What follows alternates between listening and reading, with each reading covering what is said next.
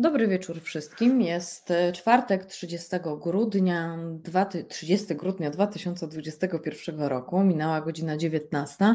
Ja nazywam się Marta Woźniak i zapraszam Państwa na nasz cotygodniowy program w Resecie Obywatelskim, czyli To jest wojna, w którym rozmawiamy sobie o szeroko pojętym feminizmie, o prawach człowieka, a dzisiaj porozmawiamy o legendarnej równości która gdzieś jest, ale gdzie to sobie o tym e, pomówimy z socjolożką Małgorzatą Druciarek. W drugiej godzinie, e, no to taka nasza strajkówka będzie, jak to, jak to zwykle bywa. Plus jeszcze chciałam Państwu, no bo tak wszyscy z tymi podsumowaniami wiemy, mm, chyba tydzień temu czy dwa tygodnie temu rozmawialiśmy o tych takich listach stu kobiet, które tam, one coś tam.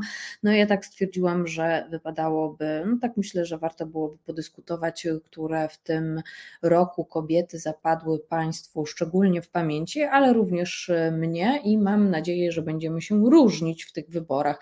Takie, takie naprawdę super, takie odkrycia państwa, więc proszę już się szykować na tą, na tą drugą część, bo wydaje mi się, że e, no, co osoba to e, coś innego mogłaby powiedzieć e, w, w związku z tym, kto im zapadł w pamięci. Oczywiście nie tylko miło i sympatycznie, ale również niemiło i niesympatycznie, więc proszę również zważyć. Mam jednak nadzieję, że nie będziemy za dużo narzekać, bo no lepiej tak tak, e, żeby było zawsze no, miło, ale, e, ale jeżeli mają Państwo jakieś e, mm, tak zwane wąty do kogoś, do jakiejś kobiety, która nie za bardzo się popisała w tym 2021 roku, to chętnie przyjmę, więc proszę już, proszę już na ten temat myśleć.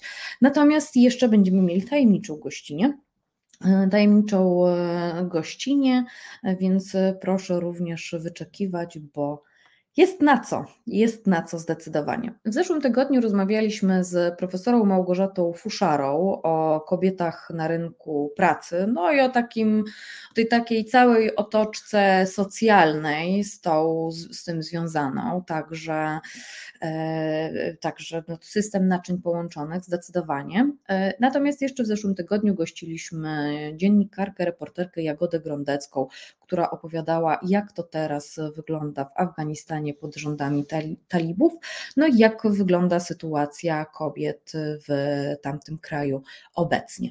Jeśli Państwo przegapili, zachęcam do powrotu do tego właśnie naszego zeszłotygodniowego programu, bo myślę, że naprawdę warto. E, oczywiście wszystkie, wszystkie programy to jest wojna, są dostępne czy to na Facebooku, na naszej stronie Resetu Obywatelskiego, czy to na mm, naszym kanale na YouTubie. Oczywiście zachęcam również Państwa do subskrypcji kanału YouTube'owego, jeśli Państwo tego jeszcze nie robią. No i oczywiście do lajków w naszych mediach społecznościowych, czyli Facebook, Twitter czy Instagram. Przypominam Państwu również, bo to tak zawsze pro forma na początku mówię, że Reset Obywatelski jest dla wszystkich. Jeśli Państwo mają pytania, jeśli mają Państwo wątpliwości, jeśli chcą Państwo zaczynać dyskusję, to oczywiście jest to miejsce dla Państwa. Oczywiście Państwo też wspierają Reset Obywatelski, więc za każdą złotówkę, za każde udostępnienie, za każdą rozmowę z bliskimi o tym, co Państwo usłyszeli w Resecie Obywatelskim, co przeczytali, jakie Państwo mieli kąpiele intelektualne, to oczywiście bardzo, bardzo serdecznie dziękuję. A producentem dzisiejszego programu jest pan Michał Dudek, także też bardzo dziękuję, że akurat ten ostatni e, w tym roku program to jest wojna, pan Michał e, produkuje, tak na dobrą sprawę. Dziękuję i ściskam bardzo, bardzo, bardzo mocno. Natomiast myślę, że teraz już e, możemy się, teraz już możemy się przenieść do świata równości i nierówności ze względu na płeć. No i zapraszam e, w takim wypadku, Filipie, proszę o wprowadzenie do naszego wirtualnego studia e, Małgorzatę Druciarek, socjolożkę z Obserwatorium Równości Płci, czyli takiej instytucji, która podlega Fundacji Instytut Spraw Publicznych, e, a samo obserwatorium zajmuje się analizowaniem, monitorowaniem i promowaniem równości płci w Polsce. Natomiast jeżeli Państwo nie znają Instytutu Spraw Publicznych, publicznych, to również zachęcam do wejścia na stronę, bo tam jest cała masa fantastycznych treści.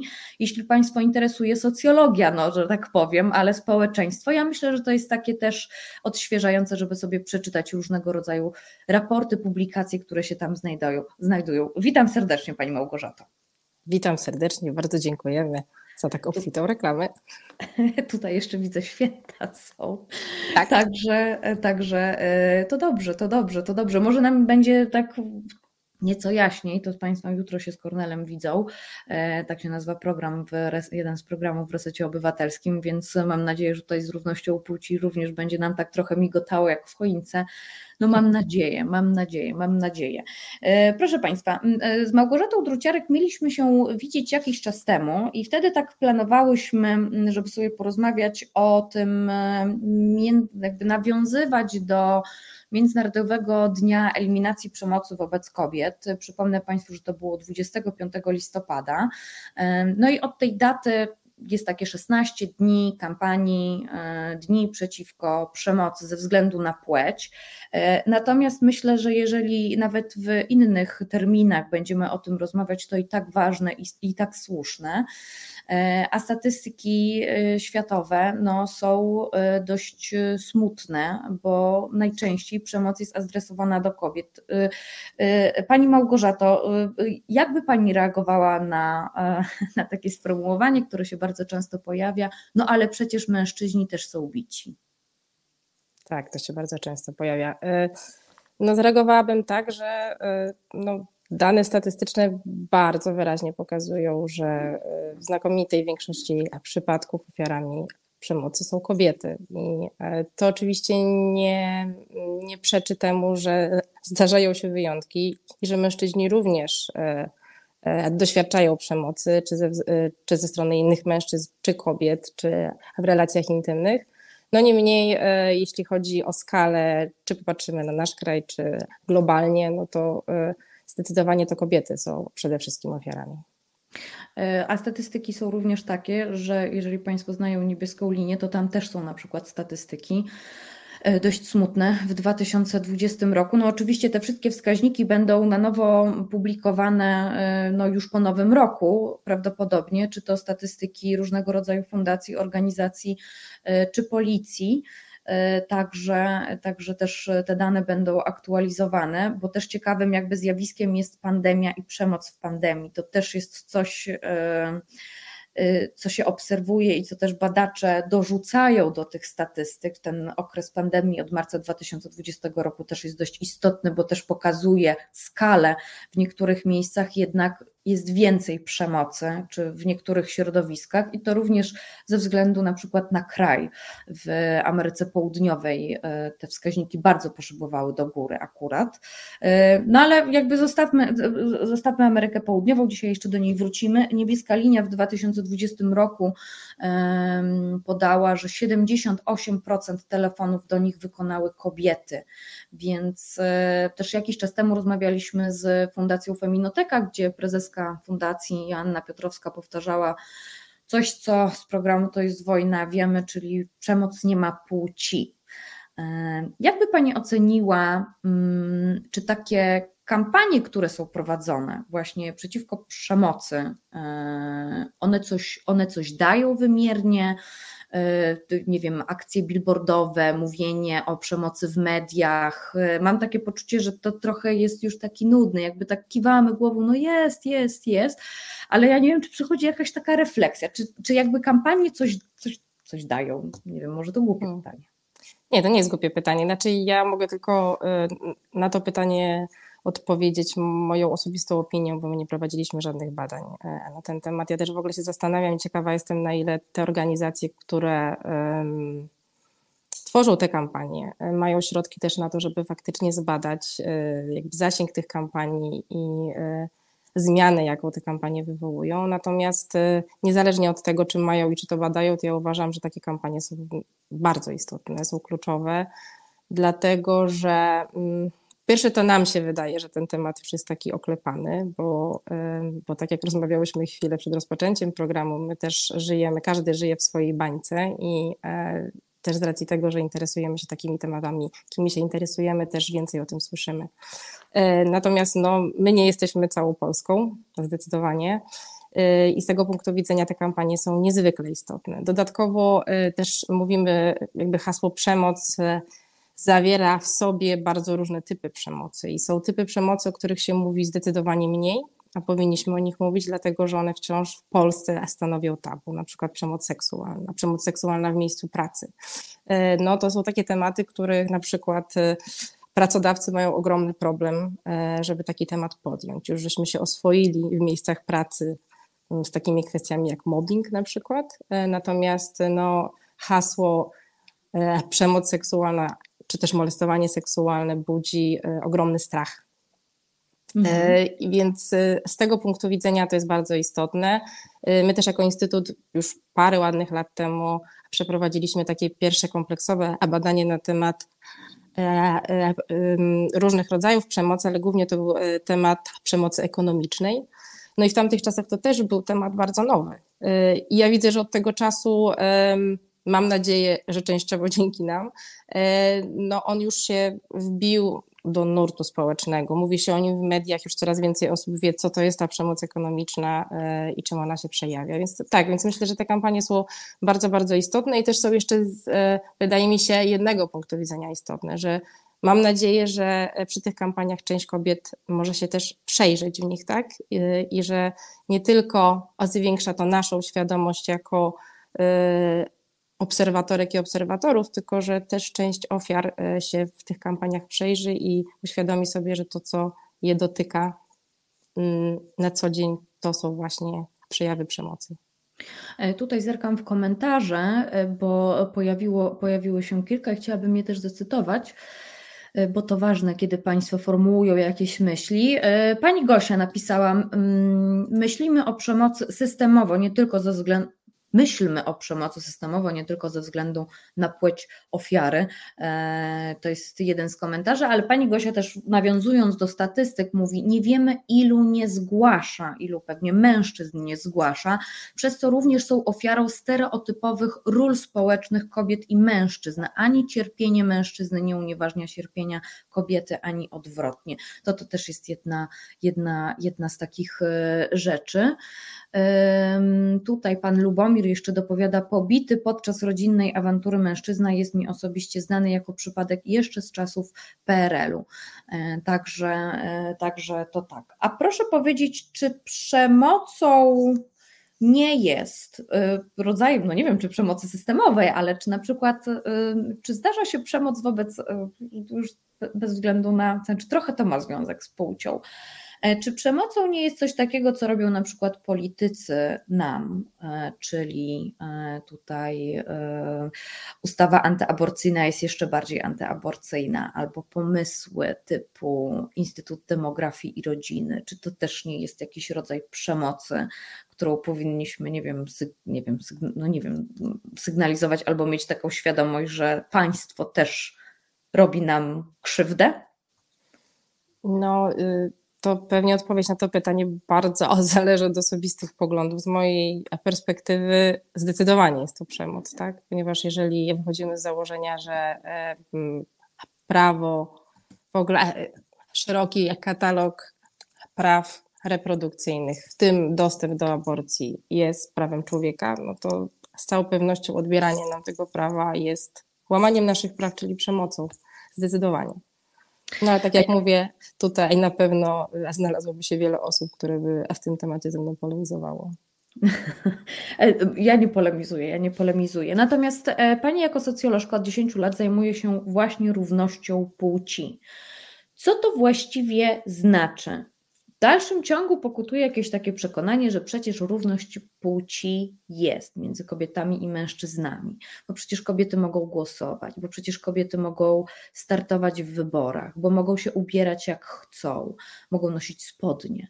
E, to bo... różnie. W polskich, e, naszych polskich podstawówkach już to zaczyna się powoli zmieniać, to tylko tak chciałam dodać na marginesie, ale proszę kontynuować. Ale mogą mieć swój własny majątek. Pamiętam, e, jest taki serial na Netflixie, to w ramach nauki języka też oglądałam, nazywa się Telefonistki. To jest w, to się tam dzieje w 1927 roku i tam jest pięknie podany przykład, jak kobieta nie może wziąć rozwodu. I to jest 27 rok. Ja miałam takie, wow, no tak, no przecież kobiety kiedyś tak nie mogły.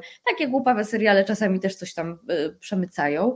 Y, I, to zrobiło na mnie dość spore wrażenie. Właśnie a propos tego majątku, teraz mi się przypomniało. Bo jeszcze, jeszcze, jeszcze dając przykłady tego, że kobiety są równe mężczyznom, mężczyznom, e, no to też mogą się uczyć, iść na uniwersytet, mogą mieć własną firmę. E, czy tylko do tego sprowadza się równość, równość płci? Czy, no i co to, co to właściwie znaczy? Mhm. E, no więc jeśli mówimy o Polsce, bo rozumiem, że skupiamy się na Polsce, bo temat i tak jest szeroki jak na jeden kraj. Tak, faktycznie mamy równość płci zagwarantowaną prawnie, chociażby konstytucją, tak? E, no i z punktu widzenia prawa, myślę, że w większości przypadków, no te prawa reprodukcyjne, o których rozmawiałyśmy teraz, są już bardziej kontrowersyjne. Myślę, że tutaj już można dość mocno dyskutować, na ile tutaj mamy równość kobiet i mężczyzn wobec prawa. Natomiast co do zasady, w większości zapisów prawnych e, ta równość na papierze istnieje. No ale natomiast no, równość z punktu widzenia prawa, a praktyki społecznej to jest zupełnie co innego. No i tu wchodzimy w bardzo szeroki temat równości albo nierówności y, kobiet i mężczyzn, który można przeanalizować pod różnym kątem i w bardzo różnych obszarach. Robi to między innymi Europejski Instytut na Rzecz Równości Płci, który co roku publikuje dla wszystkich krajów Unii Europejskiej taki ranking, albo to się nazywa e, indeks równouprawnienia płci w tłumaczeniu na język polski. No i za zeszły rok, bo mówimy o 2020 roku, bo za ten rok się dopiero w przyszłym roku ukaże, no Polska jest na 24 miejscu, więc y, wiemy ile jest krajów Unii Europejskiej, no powiedzmy daleko to jest od podium, chyba że patrzymy a, a na końcówkę. Kto jest, kto jest najlepszy? Mam pewien typ. A tu mnie pani zbiła ćwieka, bo nie wiem. E, nie a, wiem. Okay. Przypuszczam, że któryś z um, krajów północy skandynawskich, bo zazwyczaj um, to one są liderami. No my jesteśmy 24. A co się, w mm. takim, co się w takim rankingu bierze pod uwagę? To znaczy, jakie tam są te, nie wiem, y, parametry? Mhm. Tak. O, mhm. Ja jeszcze tylko dodam, zanim przejdę do obszarów, że my od 2010 roku żeśmy spadli aż o 9 pozycji, więc to też pokazuje, że trend w Polsce jest bardzo negatywny. To znaczy, że my się średnio poprawiamy, albo może inaczej powiem, inne kraje się bardziej poprawiają niż my. I teraz, y, jeśli chodzi o zeszły rok, to są takie obszary, w których y, relatywnie nam idzie lepiej. I to jest, uwaga, obszar zdrowia. I ciekawa jestem bardzo, czy y, ten indeks za przyszły rok się w tym obszarze zmieni, właśnie ze względu na tym, o czym żeśmy przed chwilą rozmawiały, czyli o, o dostępie do aborcji i o prawach reprodukcyjnych, i w obszarze pieniędzy. No, czyli y, idzie nam lepiej, bo zarabiamy więcej. No i tu dochodzimy do tematu luki płacowej, która według y, naszych oficjalnych danych w Polsce akurat jest bardzo niewielka. I tu jesteśmy faktycznie liderem, no ale warto zaznaczyć, o czym się rzadko mówi w mediach, jesteśmy karmieni tą informacją, że u nas tak równo, jeśli chodzi o płace, że ten indeks jest liczony bardzo specyficznie, to znaczy on nie liczy w ogóle mikroprzedsiębiorstw, w których y, zatrudnionych jest około 40% Polek i Polaków. Czyli ten obraz jest dosyć mocno e, zamazany. E, I ekspertki i eksperci, którzy się zajmują luką płacową na co dzień szacują, bo nikt tak do końca nie wie, że no jednak ona jest e, raczej na poziomie 20-30%. No i tu już widzimy, że to jest poważny problem. Myśmy kiedyś dwa lata temu trochę dla pokazania, jaka to jest skala, żeśmy to policzyli że gdyby tę średnią różnicę zarobków kobiet i mężczyzn dodawać przez 30 lat, to moglibyśmy za to kupić nowe mieszkanie. A gdybyśmy to samo ćwiczenie wykonali przez te 30 lat dla tych najlepiej zarabiających, czyli tych na tych najwyższych stanowiskach menedżerskich, no to, to ta różnica już jest suma e, powyżej miliona złotych. No to mówimy o dość poważnych pieniądzach. E, I to są te obszary, gdzie według e, tego indeksu idzie nam lepiej. W tych obszarach, gdzie idzie nam zdecydowanie gorzej, no to to jest e, dostęp do władzy e, i czas. I czas. myślę, że czas tu jest ciekawe, tak, czas. czas. A, okay, Określenie dobra, czasu dobra. to jest, e, to jest, to chodzi um, przede wszystkim o to, ile kobiety i mężczyźni poświęcają czasu na nieodpłatną pracę, czyli na e, obowiązki do, do, a domowe czy czynności opiekuńcze nad osobami zależnymi. Nie mówimy tylko tutaj o dzieciach, bo to jest kwestia dzieci, osób z niepełnosprawnościami, osób starszych. E, no i tu dane jasno pokazują, że, e, że kobiety dwa razy więcej czasu średnio poświęcają na to e, niż mężczyźni. I w ogóle mi się wydaje, że ten czas to jest taki w ogóle kluczowy temat dla równości płci. My się tymi zajmujemy od lat i zawsze mówiliśmy i, i chyba nie zmieniliśmy w Instytucie na ten temat zdania, że w ogóle ten podział obowiązków to jest ten taki klucz. W sensie, że musimy od tego zacząć, musimy zacząć od tego, co się dzieje wewnątrz naszych rodzin, żeby w ogóle zmieniać to, co jest na zewnątrz i zacząć mówić o przestrzeni publicznej, o dostępie do władzy, o rynku pracy i tak dalej, i tak. I tutaj bardzo kulejemy. I jeszcze dodam coś, żeby też e, być sprawiedliwą. To nie jest tylko wina mężczyzn. To znaczy ten, ten taki patriarchalny model, bo to wynika z takiego tradycyjnego modelu rodziny, jak to nazywamy w socjologii, on jest podtrzymywany również przez kobiety. Nie mam najnowszych badań na ten temat, ale dwa lata temu CEBOS przeprowadził takie badanie, z którego by wynikało, że 77% Polek i Polaków uważa, że najważniejszą rolą kobiety jest opieka nad dziećmi i domem. Mhm. Więc Trochę... to, to mhm. tak, Trochę się zaczyna ten, mówić, tak. trochę się zaczyna mówić o czymś takim, jak e, on nie ma pomagać, w sensie mężczyzna, tak. mąż nie ma pomagać, tylko e, ma wychowywać, ma się zajmować, bo to e, jakby bardzo, bardzo, bardzo upraszczając, ale, ale zaczyna się to trochę, trochę też przebijać od, od paru zaczyna. lat. Jakby tak, mówienie... bo język jest bardzo ważny, o tym w jaki sposób mówimy o czymś, język jest kluczowy, bo właściwie on nam tworzy tą rzeczywistość i to w jaki sposób my na to patrzymy, jak to rozumiemy. Tylko jeśli chodzi o to partnerstwo, bo o tym Pani mówi, to na razie się zmienia powoli język, od paru lat się zmieniają deklaratywna chęć modelu partnerskiego, czyli to, co Polacy i Polki by chcieli mieć w domu, natomiast no jeszcze wciąż nie poszło za tym, to, co faktycznie mają w domu, tak? I to, co uprawiają u siebie w domu, jaki model mają. E, no ale miejmy nadzieję, że to się zmieni wkrótce. E, tutaj pani Iza podpowiada nam w komentarzu, kto jest e, w Europie królem równości. O, dziękujemy czyli, pani Izie. Czyli Szwecja na pierwszym miejscu, Dania na drugim i Francja na trzecim. To, to też. Czyli intuicja nam dobrze podpowiadała. Tak, tak, tak, tak, zdecydowanie. Zresztą w tej książce, której, o której ciągle Państwu opowiadam, czyli e, Kamili Criado Perez, e, Niewidzialne kobiety, granatowa okładka z, czerwonym, z czerwonymi ludzikami z wydawnictwa Charakter, to tam też o, nieod, i, nie o, i o nieodpłatnej pracy, i o tej równości, i o tym, jak Szwecja sobie radzi z różnymi rzeczami. Kiedyś, jak Państwu opowiadałam o odśnieżaniu, e, to niektórzy starszy, starsi koledzy redaktorzy mnie trochę e, wyśmiewali, że ale jak to? E, no, no, no tak to, więc ja cały czas odsyłam Państwa tam i to był akurat przypadek, przypadek Szwecji. Czyli mm, Czyli, jak, znaczy, czyli ta, ta, równość płci, o której my mówimy, czyli jak ktoś mówi, no przecież jest równość płci, to raczej e, zawsze to będzie na takim poziomie prawnym.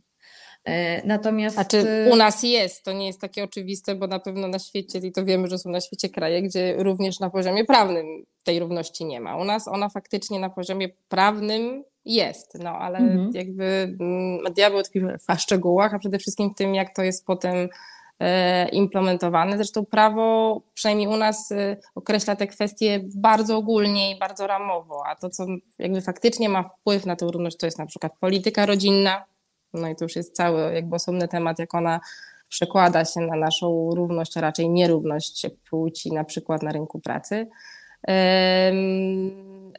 Czy na przykład kodeks pracy, czy, no, czyli to są już konkretne bardzo rozwiązania. No i, i faktycznie ta nierówność u nas jest wciąż e, bardzo, bardzo silna. Ja też E, wiedziałam, że będziemy o tym rozmawiać i wiedziałam, że też się pojawi albo od pani, albo e, od kogoś z słuchaczek, albo ze słuchaczy pytanie, no bo mówimy ciągle o kobietach, ale czy są jakieś takie obszary, gdzie ci mężczyźni są dyskryminowani, dyskryminowani.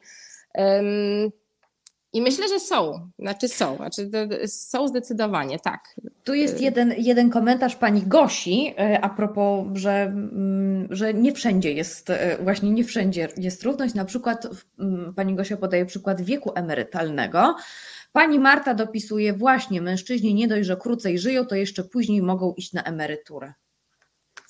Ha, no to ja bym, tak, znaczy ja tu się zgadzam, że tu jest nierówność, natomiast ja to interpretuję y, z punktu widzenia mm, systemowego i tutaj wydaje mi się, że to rozwiązanie jest zupełnie szkodliwe dla nas kobiet, bo nie dość, że my przez nasze y, obowiązki rodzinne, te nasze kariery zawodowe potrafią być nawet średnio jedną trzecią krótsze mhm. niż mężczyzn, to mi się wydaje, że to rozwiązanie, znaczy, y, które się łączy z obniżeniem wieku emerytalnego i, i tym nierównym wiekiem emerytalnym dla kobiet i mężczyzn jest dla nas bardzo szkodliwe, bo to prowadzi, to są otwarte dane na to, do ubóstwa emerytalnego kobiet, który jest bardzo poważnym problemem.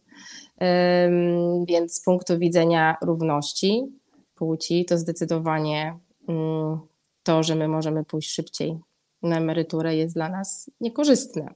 Oczywiście to jest bardziej skomplikowane, bo to się łączy z tym, jak wygląda nasze życie zawodowe, jakie, jakim obciążeniom kobiety są poddawane, bo my oczywiście jesteśmy, raz, że to jest atraktywność zawodowa, mówię o tych kobietach, które pracują, y, plus y, ta bardzo intensywna praca opiekuńcza. Tak, bo właśnie też myślę, myślę o, o, o macierzyństwie. Tak. To, znaczy, y, to znaczy też y, biorąc pod uwagę to, mm, właśnie w książce Niewidzialne kobiety jest to w jakiś sposób opisane, y, w przypadku naukowczyń, jak naukowczyniom, to, to jest jeden z jakichś pierwszych chyba rozdziałów, gdzie naukowczynie jednak propos kariery takiej naukowej, są mniej cytowane, ale one też na jakiś czas, kiedy chcą zajść, kiedy chcą zajść w ciążę, urodzić dziecko, to trochę wypadają z tego obiegu takiego naukowego i później muszą wracać, gdzie ich koledzy, z którymi one startowały, są już o parę lat dalej jakby, więc to też ma jakiś... Y, ale to jest klasyk rynku pracy i myślę, że jakby odnosi się nie tylko do naukowczyń i do naukowców, to jest po prostu y, to nam się statystycznie najczęściej przydarza właśnie na rynku pracy. To znaczy, że gdzieś startujemy i w momencie, kiedy e, zajmujemy się dziećmi, ci nasi koledzy biegną dalej, tak? A my wracamy potem w najlepszym wypadku w tym samym miejscu, gdzie żeśmy się zatrzymały, tak? E, więc e, tak, i jakby to jest bardzo poważny problem, no i to jest zadaniem państwa, żeby, żeby to zmienić żeby nie było mhm. sytuacji, w której kobiety w wieku e, takim, że mogą posiadać dzieci, e, zastanawiają się nad tym, czy, czy im się to opłaca, kiedy, e, jak to wpłynie na ich kariery. No to są takie myśli, nad który, które wydaje mi się nie przechodzą przez umysły mężczyzn w Polsce statystycznie, tak? No bo nie mhm. muszą. I, I jakby też dodam, że dane jasno pokazują, że posiadanie dzieci e, u mężczyzn pozytywnie wpływa e, na poziom ich zarobków, no, u, u kobiet jest na odwrót. Więc to też pokazuje, że rynek pracy promuje mężczyzn, którzy mają dzieci, bo wtedy oni są postrzegani jako pracownicy bardziej lojalni, odpowiedzialni, ponieważ mają na utrzymaniu rodziny. Znów patrzmy ten tradycyjny model, a kobiety są uznawane za pracownice obciążone po prostu wysokim ryzykiem, bo albo zajdą w ciąży, znikną i tak dalej, to jest jakby znamy te historie, albo, albo potem na przykład biorą zwolnienia na dzieci. Mhm. Co generalnie, jeśli chodzi o te zwolnienia na dzieci, nie, nie ma odzwierciedlenia w danych, bo kiedyś ktoś to zbadał i jakby wyszło, że faktycznie nie jest tak, że kobiety biorą częściej. Natomiast jest to w takim powszechnym postrzeganiu społecznym, a przede wszystkim wśród pracodawców, że faktycznie tak jest i to jest jakby to jest problem. No i tu powinny wchodzić właśnie kampanie społeczne, które by pokazywały pracodawcom, że tak nie jest. Że kobieta, która jest matką, jest bardzo dobrą pracownicą, bo również jest odpowiedzialna, bo bo umie tym zarządzić i tak dalej, i tak dalej. No, natomiast takich kampanii jest jeszcze wciąż bardzo niewiele. A w jakich, ja bym jeszcze chciała wrócić do mężczyzn i do e, ich dyskryminacji. Mhm. I w jakich obszarach jeszcze oni są dyskryminowani? Bo e, tutaj e, statystyki bardzo różnie wyglądają, ale bardzo często w komentarzach, i to też, to też o tym wiem, znaczy to obserwuję, bo mam kilku takich znajomych, którzy walczą o swoje dzieci po rozwodzie. Tak. I jak rozumiem, również z powodu stereotypów y, i z powodu, nie wiem, tradycyjnego modelu rodziny, gdzie to kobieta opiekuje się dziećmi, sądy chętniej y, opiekę nad dziećmi przekazują matkom. To jest niesprawiedliwe na przykład. Mam takie poczucie, że to powinno być y, tak indywidualnie rozpatrywane. No. Mm, na pewno to jest taki obszar, który mm, chyba wszystkim i mnie również jako pierwszy przyszedł do głowy. Ja nie mam wiedzy na ten temat, jak to wygląda teraz, czy to się zmienia. Wiem też, że na ten temat, jakby naukowo, tym tematem zajmowała się Elżbieta Korolczuk i ona, pamiętam, zawsze wspominała o tym, jakby zaznaczała, nie negując tych danych, że y, jedne to są dane, ale dwa jest takie powszechne, społeczne e, jakby przekonanie, że ci mężczyźni tak walczą o te dzieci i im się nie udaje, a faktycznie chyba dane, przynajmniej w tamtych czasach, kiedy ona to badała, tego nie potwierdzały, tak? To znaczy, że, że jednak ten mężczyzna, który o te dzieci walczy, to wtedy to była rzadkość. Myślę, że teraz to się zmieniło. E, ale tak, to jest na pewno taki obszar, który jest zawsze wymieniany, że, że, że faktycznie sądy postrzegają zawsze ojców, albo często ich postrzegają jako tych mniej kompetentnych opiekunów, tak? I, i faktycznie faworyzują matki, i, i, i, to jest ten jeden obszar. Ten obszar, na którym ja się lepiej znam, to i, to, co mi przychodzi do głowy jako taki obszar, gdzie faktycznie ta nierówność jest i dotyka e, mężczyzn, to jest e, właśnie opieka nad dziećmi, czyli urlopy, bo Mamy niby urlop rodzicielski. Mówię niby, bo znaczy on jest yy, i niby się można nim dzielić po połowie, natomiast praktyka polska pokazuje, że tak się nie dzieje. Yy, dlaczego się tak nie dzieje? No jakby główny argument jest taki, że mężczyźni zarabiają więcej, więc nam się to nie opłaca i tak dalej, i tak dalej. Plus pracodawcy nie są chętni wciąż, żeby takich yy, urlopów udzielać. I mi się wydaje, że to jest bardzo ważny obszar dyskryminujący mężczyzn, bo ja jestem przekonana o tym i to nie jest tylko moje osobiste przekonanie z takiego otoczenia, tylko dane pokazują, że wielu mężczyzn chciałoby być aktywnymi opiekunami swoich dzieci i chciałoby mieć tą szansę, żeby tymi dziećmi na równi ze swoją partnerką żoną e, się zajmować. A w Polsce, co do zasady, bardzo rzadko mają ku temu okazję. Sam fakt, że urlop macierzyński, który jest tuż po urodzeniu, jest obowiązkowy dla kobiet w naszym kraju i my nie możemy się go zrzec na rzecz ojca, też pokazuje, jakby kto tutaj e, jest faworyzowany tak naprawdę. Mhm. Ja oczywiście mam świadomość tego, że te długie urlopy mają potem większe przełożenie na sytuację kobiet na rynku pracy niż mężczyzn i w pewnym, jakby w dużym sensie też je dyskryminują, ale jeżeli mówimy o tym obszarze, który dla mężczyzn jest nierówny i krzywdzący, to, to z całą pewnością jest to i dlatego my od dawna, od bardzo dawna postulujemy urlop ojcowski, który powinien być tylko dla ojców, który powinien być nietransferowalny, czyli niemożliwy do przekazania, e, e, a dla matek i tu wchodzi na właśnie e, już e, dzisiaj słynna Szwecja, której my mamy zawsze ją pokazujemy, jeśli chodzi o równość płci, jako taki wzór. Natomiast no, niewiele pewnie osób wie, że a dopóki urlop y, rodzicielski u nich tak funkcjonował jak u nas, to to Szwedzi też nie chodzili na urlopy ojcowskie. I dopiero jak ten urlop został e, stricte dla ojców wprowadzony, to oni się zorientowali po prostu, że im się nie opłaca nie korzystać z tego i to jakby zaowocowało ogromną zmianą społeczną. Dlatego uważamy, że to jest taka podstawa. Bo u nich jest y, obowiązkowy chyba ten y, dla mężczyzn, jeśli dobrze. Ja nie wiem, czy on teraz jest obowiązkowy. A na pewno jest niezbywalny w sensie, że jakby a nie można go oddać, tak? Y, czy on jest tak. obowiązkowy, tak. tego nie wiem. Wydaje mi się, że nie. Wydaje mi się, że po prostu jest nieprzekazywalny matce i po prostu rodzinom się to nie opłaca, bo to jest duża strata, jakby dla nich również finansowa, bo on też jest płatny. I jest jeszcze taki jeden obszar, który mi się wydaje, że mm, który my też jako kobiety dzielimy z mężczyznami, tylko w trochę inny sposób, to są to jest ta nasza socjalizacja do tego tradycyjnego modelu rodziny, y, która jest i dla nas krzywdząca, ale dla mężczyzn również, y, bo w Polsce jest wciąż bardzo silne takie silne oczekiwania społeczne, że mężczyzna musi zarabiać i to on w rodzinie musi odnosić sukces, a u nas wciąż sukces jest postrzegany głównie w kontekście finansowym.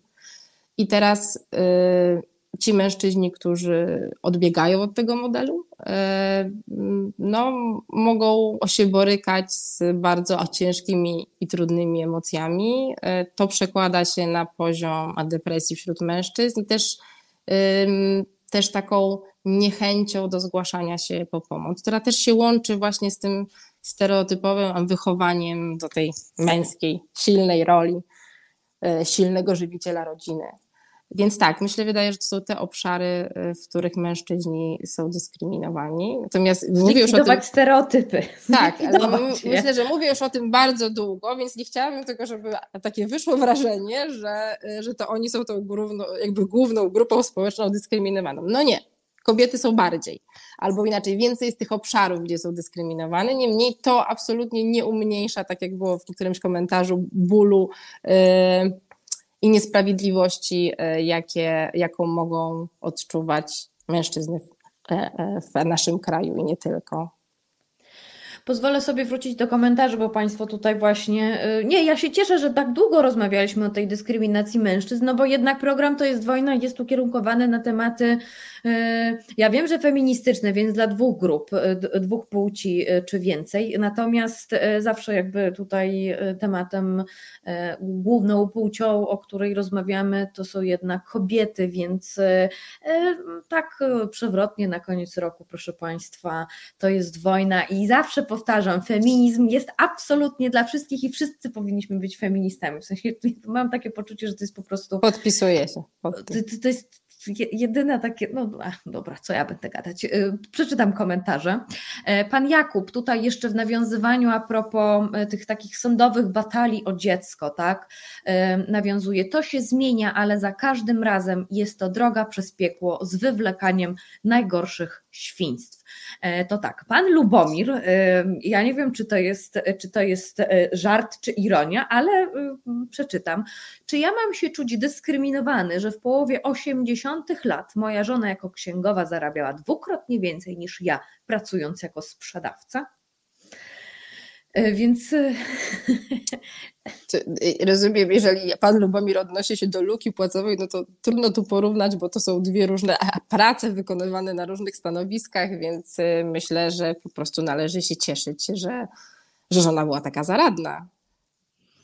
E, pan, e, pan Jarek z kolei pisze, ojcowie często traktowani są jak bankomat po rozwodzie. To też jest e, swego rodzaju, no to też jest jakieś takie zjawisko, gdzie jak się porozmawia z mężczyznami, to tak trochę jest, ale alimenciarze, ale, właśnie, alimenciarze, tak, w sensie, tak nie wiem, antyaliment, no generalnie ci, Alimenciarze, to znaczy tak, ja wiem, że takie poczucie jest i to bardziej pewnie wiem z jakiegoś mojego prywatnego otoczenia niż, niż z badań, ale z drugiej strony no, zjawisko niealimentacji w Polsce dotyka ponad miliona dzieci. I tu mówimy o alimenciarzami w znakomitej większości są mężczyźni, ojcowie. Mm -hmm. Więc tak jak to ma zawsze dwie strony e, taki problem i trzeba o tym pamiętać. Pani Bożena zaś pisze, urlop rodzicielski, taki pomysł, urlop rodzicielski powinien być dzielony po połowie obligatoryjnie. Jak facet nie wykorzysta, to przepada.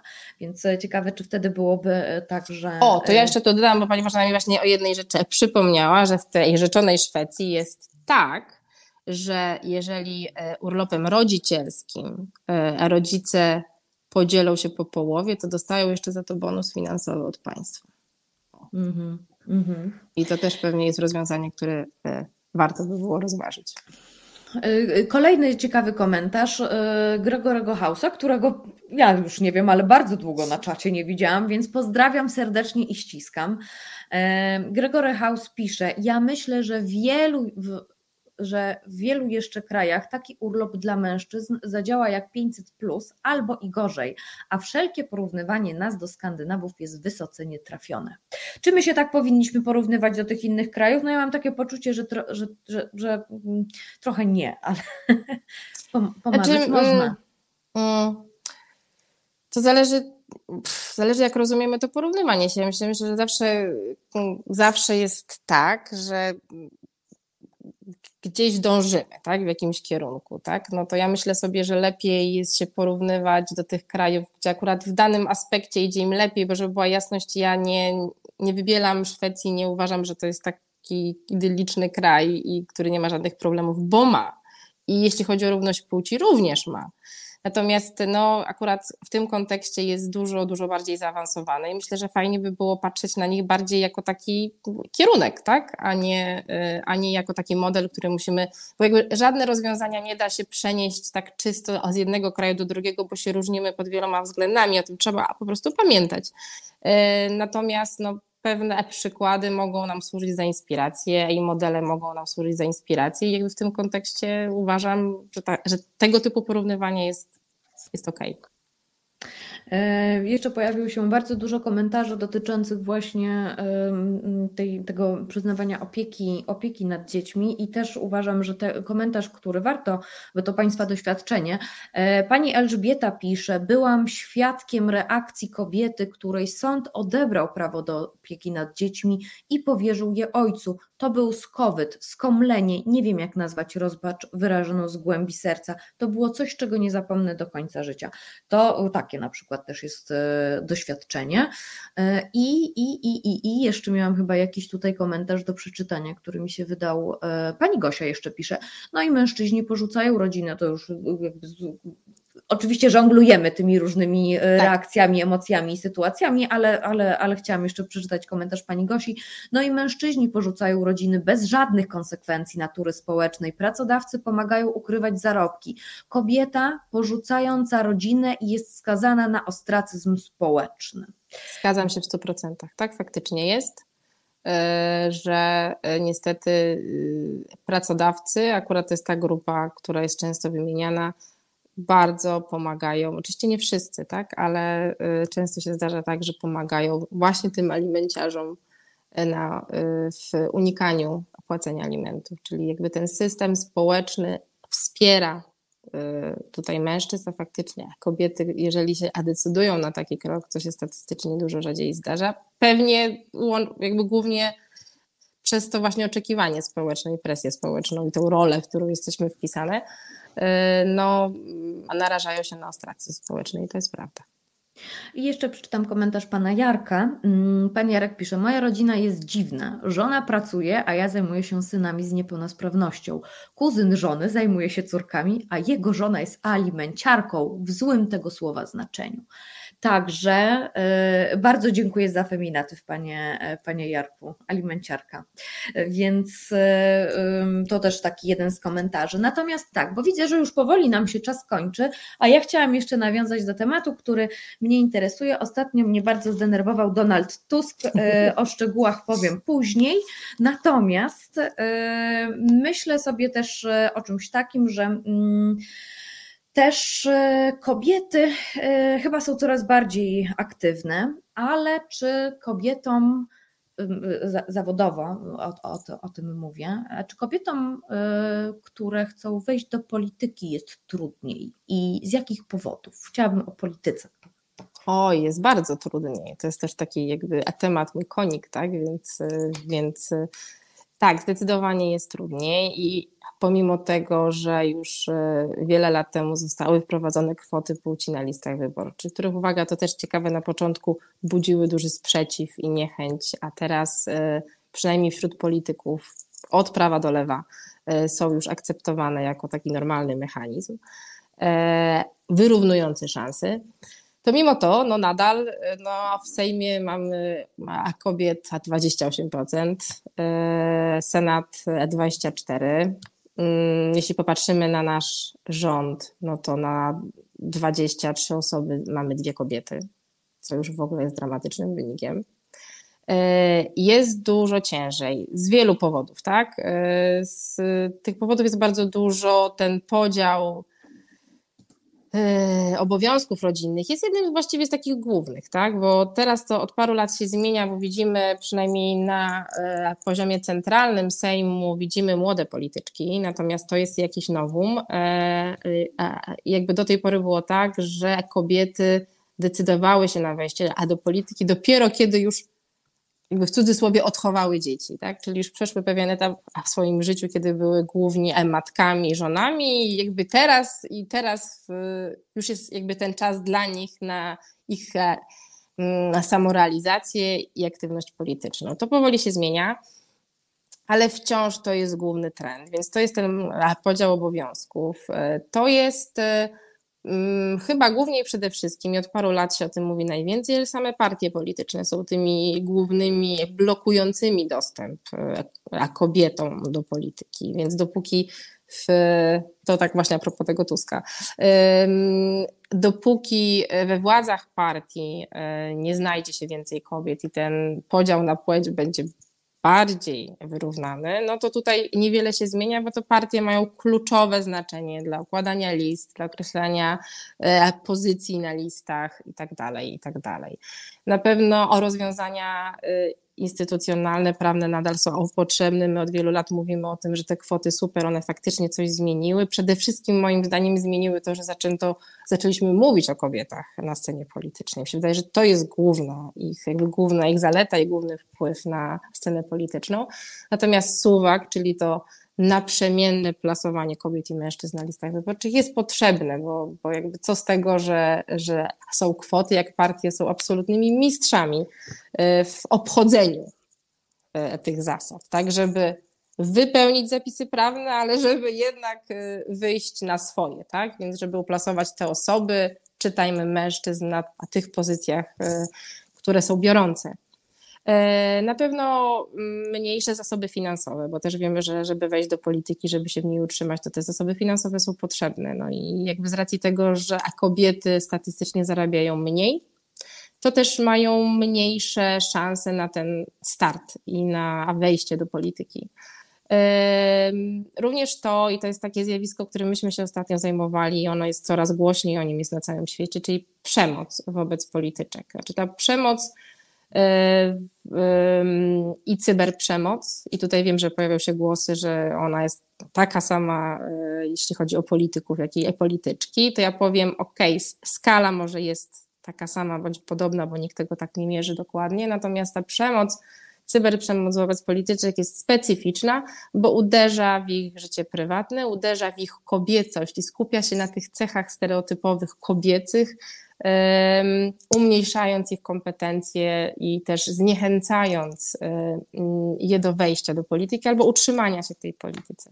E, z naszego e, jakby z, z tych naszych analiz wyszło, że polityczki w Polsce właściwie codziennie borykają się z groźbami, na przykład a w internecie groźbami skierowane w ich stronę, w stronę ich dzieci, rodzin i tak dalej, i tak dalej. Ale to nie jest tylko cyberprzemoc, to jest przemoc fizyczna, e, to jest przemoc werbalna od innych polityków na przykład, e, to jest e, takie, my to nazwałyśmy upupianiem, czyli E, pokazywanie kobietom, e, że są do polityki niezdatne, niezdolne, że po prostu brakuje im samej natury bycia kobietą, kompetencji, e, żeby być aktywnymi, skutecznymi na scenie politycznej. I też jest tu silna rola mediów i jako, że jesteśmy w medium, to o tym wspomnę. O tym też mówiły same polityczki, to to jest taka przemoc symboliczna ze strony mediów, czyli która się przejawia po pierwsze tym, że się rzadziej kobiety zaprasza do programów telewizyjnych, e, takich opiniotwórczych, ważnych, politycznych. A jeżeli się je zaprasza, to bardzo skupia się na, to, na tym, jak one wyglądają, dużo bardziej na tym, e, co mają do powiedzenia. Jest to bardzo silnie e, przez nie odczuwane. E, no dodam, że w innych krajach są też a wypadki ekstremalne morderstw e, i e, przemocy fizycznej takiej na dużą skalę i, i faktycznie na całym świecie coraz więcej kobiet z tej polityki odchodzi. Mhm. Zaczęłam się zastanawiać nad czymś takim, bo ja zadam jeszcze pytanie o parytety. Bo ja jestem za parytetami, mhm. a chyba nie powinnam się przyznawać, ale ja naprawdę jestem za parytetami. E, bo mam jakiś, ale to zaraz o tych parytetach. Natomiast ja się zastanawiam, e, może są jakieś badania, albo e, ktoś się może nad tym pochylał, czy błąd kobiety w polityce mm, jest bardziej komentowany, mocniej oceniany, bardziej wpływa na jej karierę niż jak patrzymy na głupoty, które mówią i robią mężczyźni politycy? Na przykład Anna Maria Żukowska, o której jeszcze sobie dzisiaj powiemy, komentująca ubiór Jany Szostak, że jej to pewnie nie o to chodzi. No więc, e, no więc ja na przykład przez jej wypowiedź zupełnie inaczej patrzę na Annę Marię Żukowską. Mam, mam takie poczucie, no jakby, no, co ona w ogóle, znaczy, co się stało? Y, bo ma się takie wrażenie, że o tutaj jest za kobietami, a tutaj jest w absolutnej kontrze. No i mam po prostu ten obraz, że jakby, no, no i niestety niesmak pozostaje już tak na długo, a to, że y, no są jeszcze tacy inni politycy, znaczy jeżeli chodzi o mężczyzn typu, nie wiem, Korwin-Mikke, to już w ogóle jakby kompletnie jakby zero w ogóle. Innej ligi, tak. No tak, tak absolutnie inna liga. Ale zastanawiam się, czy na przykład, jeżeli kobieta właśnie w polityce popełni błąd, y, coś skomentuje mm, dziwacznie, to znaczy wszyscy pamiętamy dinozaury, y, to były chyba Ewy Kopacz dinozaury, pamiętam coś z wnuczkami było. E, jest masę, chociaż no nie wiem, no może mi, się, może, może mi się wydaje, ale tak się zastanawiałam, czy na przykład kobiety polityczki w nie mocniej uderza hejt niż taki niesmak się pojawia niż w przypadku, niż w przypadku mężczyzn. Może, może to moje wrażenie. Tak jak powiedziałam, e, wydaje mi się, że jeśli chodzi o skalę, to nie. Tylko, że on bardziej, znaczy jakby tematycznie jest inaczej, ma in, inaczej jest nacechowany. Tak? Ten hejt bardzo się skupia przede wszystkim na ich wyglądzie, na ich życiu prywatnym, intymnym, na ich seksualności yy, i na ich rodzinie i na ich też roli kobiety. Więc my mamy, y, ja bym powiedziała, że mamy dużo wyższe wymagania i oczekiwania wobec polityczek niż wobec polityków. To najprawdopodobniej się łączy z tym, że one są relatywnie nowe na scenie politycznej, że ta większość obecność kobiet to jest y, nowe zjawisko, wciąż jest ich mało, więc jakby oczekujemy um, od nich więcej, ale też to, co ja też bym chciała powiedzieć a propos tej e, sceny politycznej, to też mm, to, co nas zaniepokoiło, to to, że jakby tym tematem nikt się nie zajmuje. Znaczy, jakby partie polityczne też się nie zajmują tą kwestią przemocy. I to jest taki e, przekaz, który my jako społeczeństwo dajemy przyszłym pokoleniom, bo jeżeli my pozwalamy na taką przemoc w przestrzeni publicznej wobec kobiet, no to jak, jaka to wiadomość jest wysyłana do tych młodych dziewczyn, które być może chciały być polityczkami, być może rozważały tą karierę polityczną, ale jednak widzą, mm, na co w tej przestrzeni jest przyzwolenie no i jakie to będzie miało wpływ na ich e, przyszłe decyzje.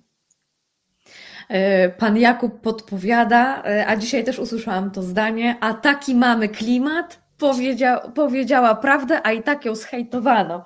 No właśnie, to, to, to, to pamiętam, e, to pamiętam, wszyscy to dokładnie pamiętamy a propos chyba torów, czy czegoś takiego, jakoś takoś to było z tymi spóźnieniami pociągów, jeśli dobrze pamiętam, ale jakby, jakby hasło, zdanie, taki mamy klimat e, pozostało.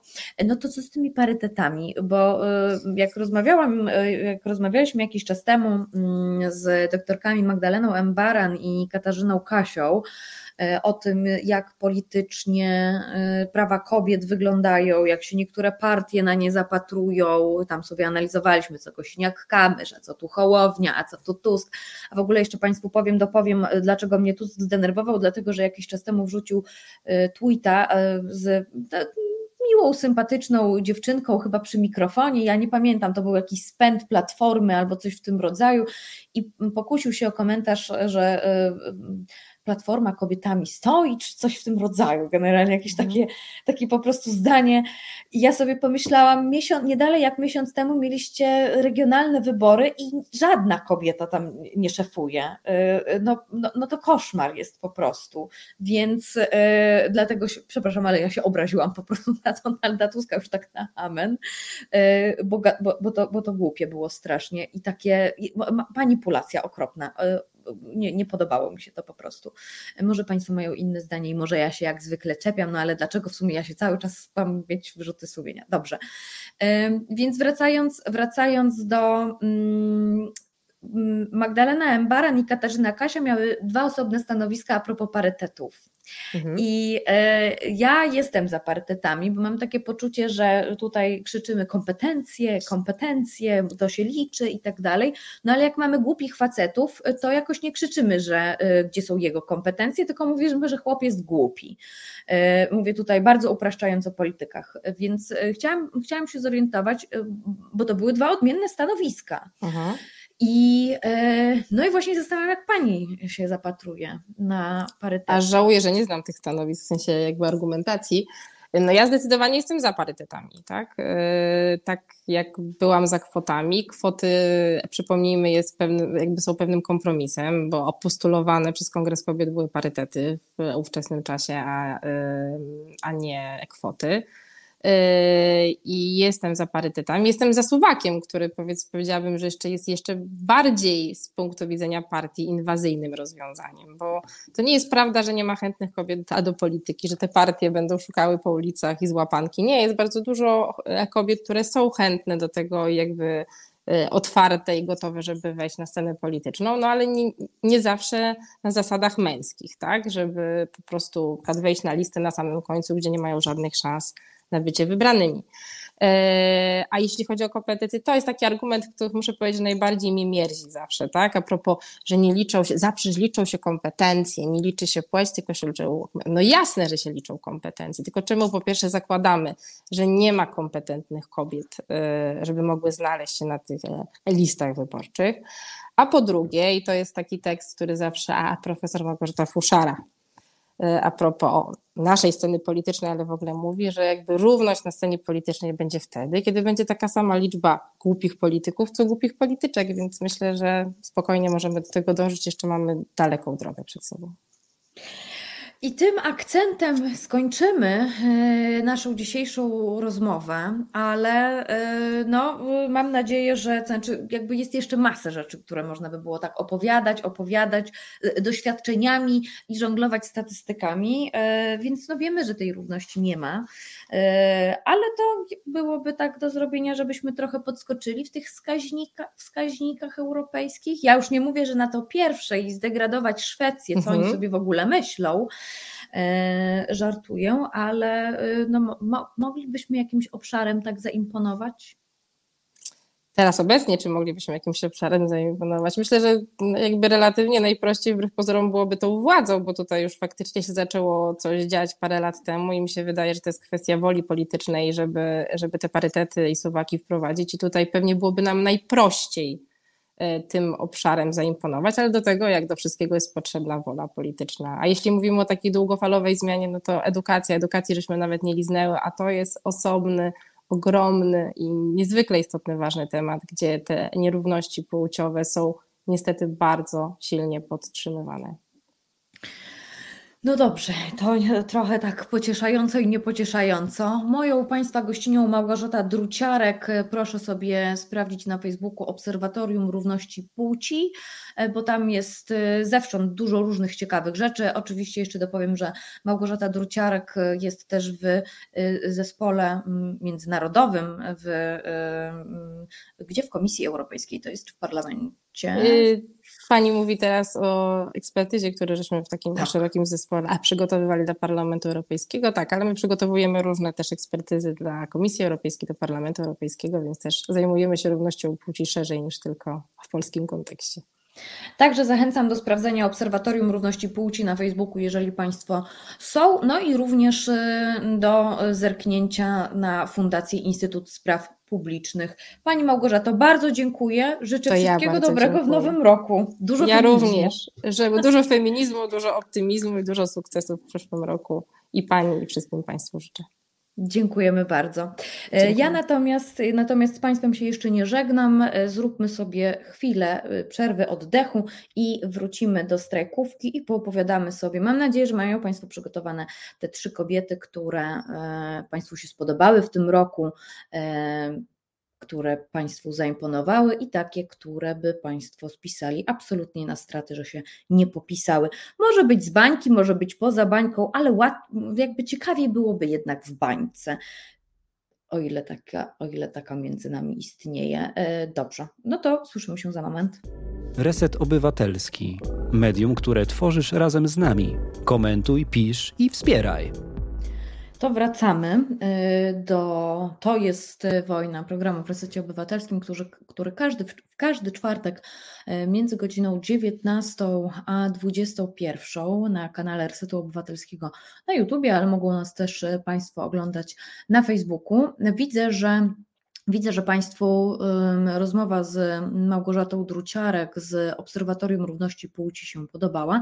Naprawdę zachęcam do tego, żeby zaobserwować Obserwatorium Równości Płci, e, bo tam e, co porusz pewnego, czy to wiadomości, czy to różnego rodzaju analizy, ale tym bardziej zachęcam do wejścia na stronę Instytutu Spraw Publicznych, Fundacji, e, socjologami, którzy zajmują się no, opisywaniem e, społeczeństwa, więc to też jest, e, więc to też jest e, ciekawe.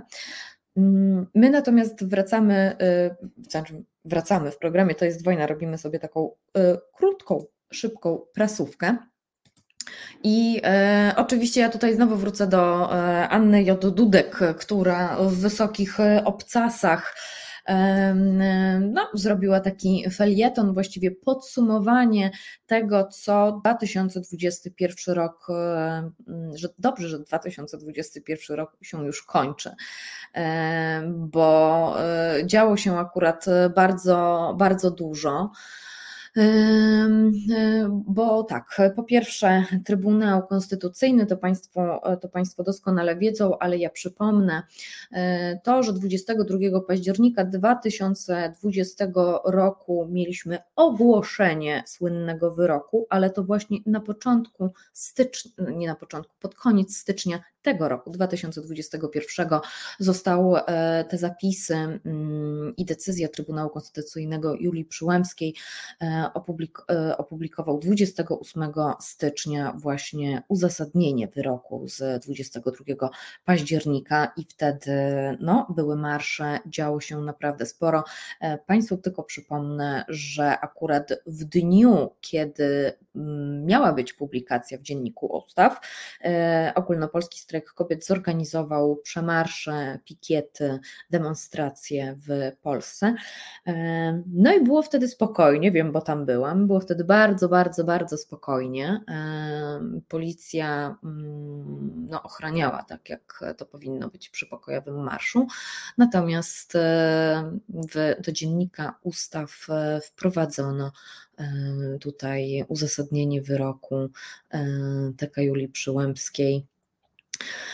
o godzinie 23.15. E, bardzo dobrze to zapamiętałam, bo akurat w tym czasie mniej więcej wróciłam dość mocno zziębnięta i e, no i to był taki, to był taki, to był taki policzek. E, oprócz tego Ania Dudek w swoim tekście również zwraca uwagę o planach więzienia za aborcję, o planach inwigilowania kobiet, także dobrze, że 2021 rok już się kończy, więc jeżeli mają Państwo ochotę przeczytać to oczywiście Państwa tam odsyłam. E, inną prasówkową, inną prasówkową rzecz, którą chciałam e, tutaj odnotować, to jest, e, nie wiem czy Państwo pamiętają, ale w październiku, mm, w październiku, kiedy no, wszystko jest związane akurat z tym Trybunałem, no, co, tu, co tu dużo mówić, temat, temat dość mocno oburzający, ale trzy dni, trzy dni po tym, e, po, ogłos po ogłoszeniu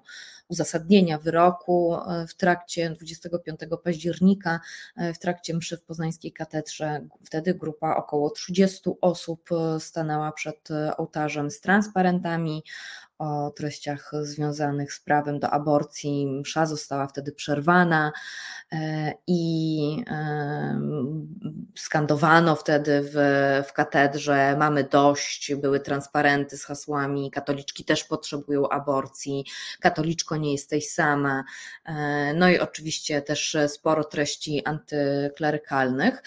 No i jest sprawa, proszę Państwa, ruszył proces 32 osób w Poznaniu, także, e, także no i ze względu na liczbę oskarżonych oraz liczbę broniących ich adwokatów e, rozprawa odbyła się jeszcze w większej sali, dlatego że się okazało, że to jest po prostu cała, e, cała moc. No i oskarżonym, oskarżeni są tutaj jakby w, mm, prokuratura oskarżyła te 32 osoby za to, że cytuję, współ wspólnie i w porozumieniu złośliwie przeszkadzali publicznemu wykonywaniu aktu religijnego, e, za co grozi no, e, tutaj kara mm, pozbawienia wolności do dwóch lat, ale również oczywiście e, grzywna. Także proces dopiero ruszył i zobaczymy, jak on się rozwinie. To, to jest jedna z takich rzeczy. A inna z rzeczy, którą warto odnotować, to znaczy, nie wiem, czy Państwo pamiętają, ale rok temu to jeszcze w Maszketniku w Resecie Obywatelskim rozmawialiśmy o, rozmawialiśmy o Rozmawialiśmy o Argentynie i o debacie senackiej i o tym, jak to prawo w Argentynie, e, jak mm, Argentynki dochodziły do prawa do legalnej aborcji. Dokładnie 30 grudnia czyli rok temu rozpoczęła się debata senacka, e, no bardzo taka poruszająca. Nie było wiadomo, iloma głosami się przegłosuje, ale jak oglądałam ją na żywo, to powiem Państwu, że fajne, fajne było w tym. Jedna z senatorek, ja oczywiście teraz nie pamiętam już, e, nie pamiętam już jej dokładnie nazwiska. Natomiast pamiętam, że jedna z senatorek zwracała uwagę na coś takiego, że jak e, wcześniej, dwa lata, dwa lata temu chyba, jak była debata w Senacie właśnie a propos, a propos e, ustawy legalizującej aborcję w Argentynie, to ona była przeciwna, ale w tym roku jest za. E, I to uzasadniała, dlatego że dotarła do niej jedna z kobiet, która opowiadała o mm, swoim doświadczeniu aborcji, i kiedy słuchała tej dziewczyny, to takiej coś kliknęło, że to mogłaby być jej wnuczka chyba jakoś takoś. I e, to też, to też mi przypomina o tym, że z tymi politykami no trzeba, trzeba się z nimi jakoś kontaktować, trzeba z nimi rozmawiać i trzeba im tłumaczyć różne rzeczy i opowiadać, jak to w e, ich życiu, e, w naszym życiu, w naszym życiu wygląda. Oczywiście ja jestem dość naiwna i idealistycznie do tego wszystkiego, tak, takie mam poczucie, podchodzę. Natomiast, natomiast no, y, okropne słowo presja ma sens, które mi się w ostatnich akurat dniach bardzo nie podobało, y, ale a propos weta prezydenckiego, natomiast y, mam takie poczucie, że dobrze, dobrze jest wpływać i w tym wypadku odsyłam Państwa do takiego innego miejsca na Facebooku, mm, czyli do Bloku Demokratycznego 2023. Bardzo mi się spodobała akcja, znaczy to już sobie funkcjonuje przez jakiś czas, pewnie za niedługo w Resecie Obywatelskim również sobie o tym e, opowiemy. E, natomiast e, ten blok demokratyczny, jeżeli Państwo zerkną, bardzo e, usilnie namawia oczywiście do tego, żeby opozycja się zjednoczyła, to to jest jedna rzecz, ale również, żeby pisać do opozycji wiadomości listy w tej sprawie, ale pewnie nie tylko. Więc blok demokratyczny, żeby bardziej zachęcić innych do tego, by działać i by kontaktować się i by wysyłać maile, wymyślił, wymyślił coś takiego, że jeżeli dostanie maila, jeżeli dostanie maila od, jeżeli dostanie maila z potwierdzeniem, że się interweniowało, no to e, idzie złotówka na Wielką Orkiestrę, Orkiestrę Świątecznej Pomocy. Więcej szczegółów Państwo znajdą w bloku demokratycznym. To jest akurat tak coś e, obok, e, co chciałam Państwu powiedzieć. to, ale wydaje mi się, że to ważne. No i oczywiście bardzo serdecznie pozdrawiam pana Piotra Strychalskiego, który mocno działa przy tym bloku demokratycznym. Też Państwo na naszej grupie Resetu Obywatelskiego Przyjaciele mogą znaleźć informacje, więc tam również mogą Państwo dyskutować między sobą na temat tego bloku demokratycznego, czy to dobry pomysł, czy to zły pomysł, y, dlaczego tak, dlaczego nie. Ale wydaje mi się, że akurat tak dla Wośpu e, to by, było, to by było fajnie. Jestem ciekawa, jak to znaczy, oczywiście mam takie jeszcze poczucie, że wszystko można kapitalizować, ale e, usprawiedliwiam to, że to w dobrej, że to w dobrej wierze. Natomiast wracając do tej Argentyny, to mm, tutaj e, nasza rodzima legalna aborcja bez kompromisów, czyli cały taki blok różnych komitetów, organizacji i fundacji, które ramię w ramię dbają o to, by mm, uzbierać te 100 tysięcy podpisów pod projektem ustawy legalna aborcja bez kompromisów. Oczywiście wiemy, że te 100 tysięcy podpisów już zostało zebranych, e, ale podpisy można jeszcze do chyba do połowy lutego zbierać, więc mm, jeśli Państwo jeszcze gdzieś mają karty, to proszę odsyłać koniecznie. Oczywiście do ogólnopolskiego strajku kobiet e, albo do, mm, do Federy. Oczywiście więcej informacji na temat samej samego projektu ustawy e, i co w nim się znajduje, mówiliśmy wiele, wiele razy w programie To jest wojna, ale dla przypomnienia federa.org.pl, tam Państwo znajdą wszystkie, wszystkie informacje, ewentualnie mogą Państwo wejść na stronę lapk.pl, czyli legalna aborcja bez kompromisów, więc e, więc tam również Państwo znajdą informacje, ale legalna aborcja bez kompromisów e, przypomina, że rok po tym, jak wprowadzono, e, przegłosowano w Senacie, bo wprowadzono jakoś tak w połowie stycznia, pod koniec, powiedzmy sobie, mm, legalne prawo do zabiegu aborcji w Argentynie no to czas podsumowań. I ja sobie pozwolę na trochę, y, pozwolę sobie na trochę, jak wyglądało w 2021 roku mm, statystyki, ile aborcji wykonano. Więc tych aborcji wykonano w Argentynie po wprowadzeniu prawa 32 tysiące. E, to były zabiegi, które zostały wykonane za darmo w bezpiecznych warunkach e, w ramach systemu ochrony zdrowia publicznego. E, oprócz tego jest ponad 1200 szpitali, które wykonuje, mm, wykonuje taki zabieg, bo Niestety, ale cały czas, i też sobie o tym mówiliśmy, cały czas funkcjonuje w Argentynie klauzula sumienia, więc mniej więcej po miesiącu, jak pisałam kiedyś tekst dla Noiza, który też Państwu kiedyś polecałam do przeczytania, za dużo mam do polecenia niestety jakoś tak dzisiaj, to też wskazywałam na to, że po miesiącu jednak są problemy, bo są pewnego rodzaju szpitale, które po prostu odmawiają, mimo że prawo ma. Hmm, jest zapisane, że jeden chyba z lekarzy e, musi, znaczy wtedy, jeżeli lekarz odmawia, no to wtedy musi przenieść do takiej placówki, w której ten zabieg aborcji można zrobić. E, to mm, taka ciekawostka, więc podejrzewam, że gdyby tak u nas było, a klauzuli sumienia się nie usunie, z, mm, no to niestety, ale e, trzeba będzie jeszcze coś z tym zrobić, biorąc pod uwagę, biorąc pod uwagę właśnie przypadki, przypadek, przypadki w Argentynie, których było dość, dość sporo. Jakie tutaj mamy jeszcze dane? E, oprócz tego, bo to też jest istotne, e, no w ramach nowej ustawy aborcyjnej w Argentynie no blisko ponad 900 e, lekarzy, lekarek e, czy pracowników, pracowniczek ochrony zdrowia e, zostało przeszkolonych do tego, żeby aborcję, aborcję zrobić.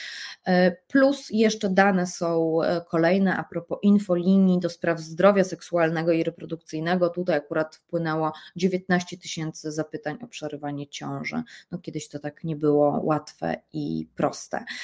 No i oczywiście legalna aborcja bez kompromisów, e, no ma nadzieję, my jako Polska cztery razy próbowaliśmy, e, a Argentyna próbowała, próbowała, no miała dziewięć takich ustaw obywatelskich, tylko ja cały czas Państwu przypominam, że w Argentynie ta ustawa aborcyjna została złożona przez prezydenta. Więc e, mam takie poczucie, że to też niestety ma znaczenie. E, I e, niestety, znaczy ja bardzo bym chciała, żeby nie trafiło nic do zamrażarki, żebyśmy debatowali, żebyśmy rozmawiali i nie mówili o emocjach, tylko o zdrowiu. Polek i Polaków i o ochronie zdrowia, jeżeli chodzi o, no i o taką, jakby wiedzą Państwo, wyborze, tak? Ktoś chce mieć dzieci, a ktoś nie chce mieć dzieci. Więc, więc to tak, więc to tak o. To to jest to, co chciałam Państwu powiedzieć. Tutaj, tutaj pan Andrzej już, już napisał, aha, oczywiście mi znowu zniknęły te komentarze, a chciałabym, chciałabym do niego wrócić. E, pan Andrzej pisze, ranking pań 2021, postacie negatywne.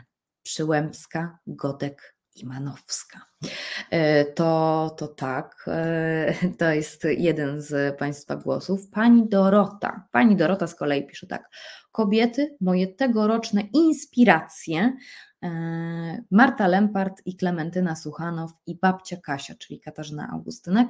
Do tej trójki dołożyłabym Martę Woźniak i Alinę Czyżewską i to mówię serio.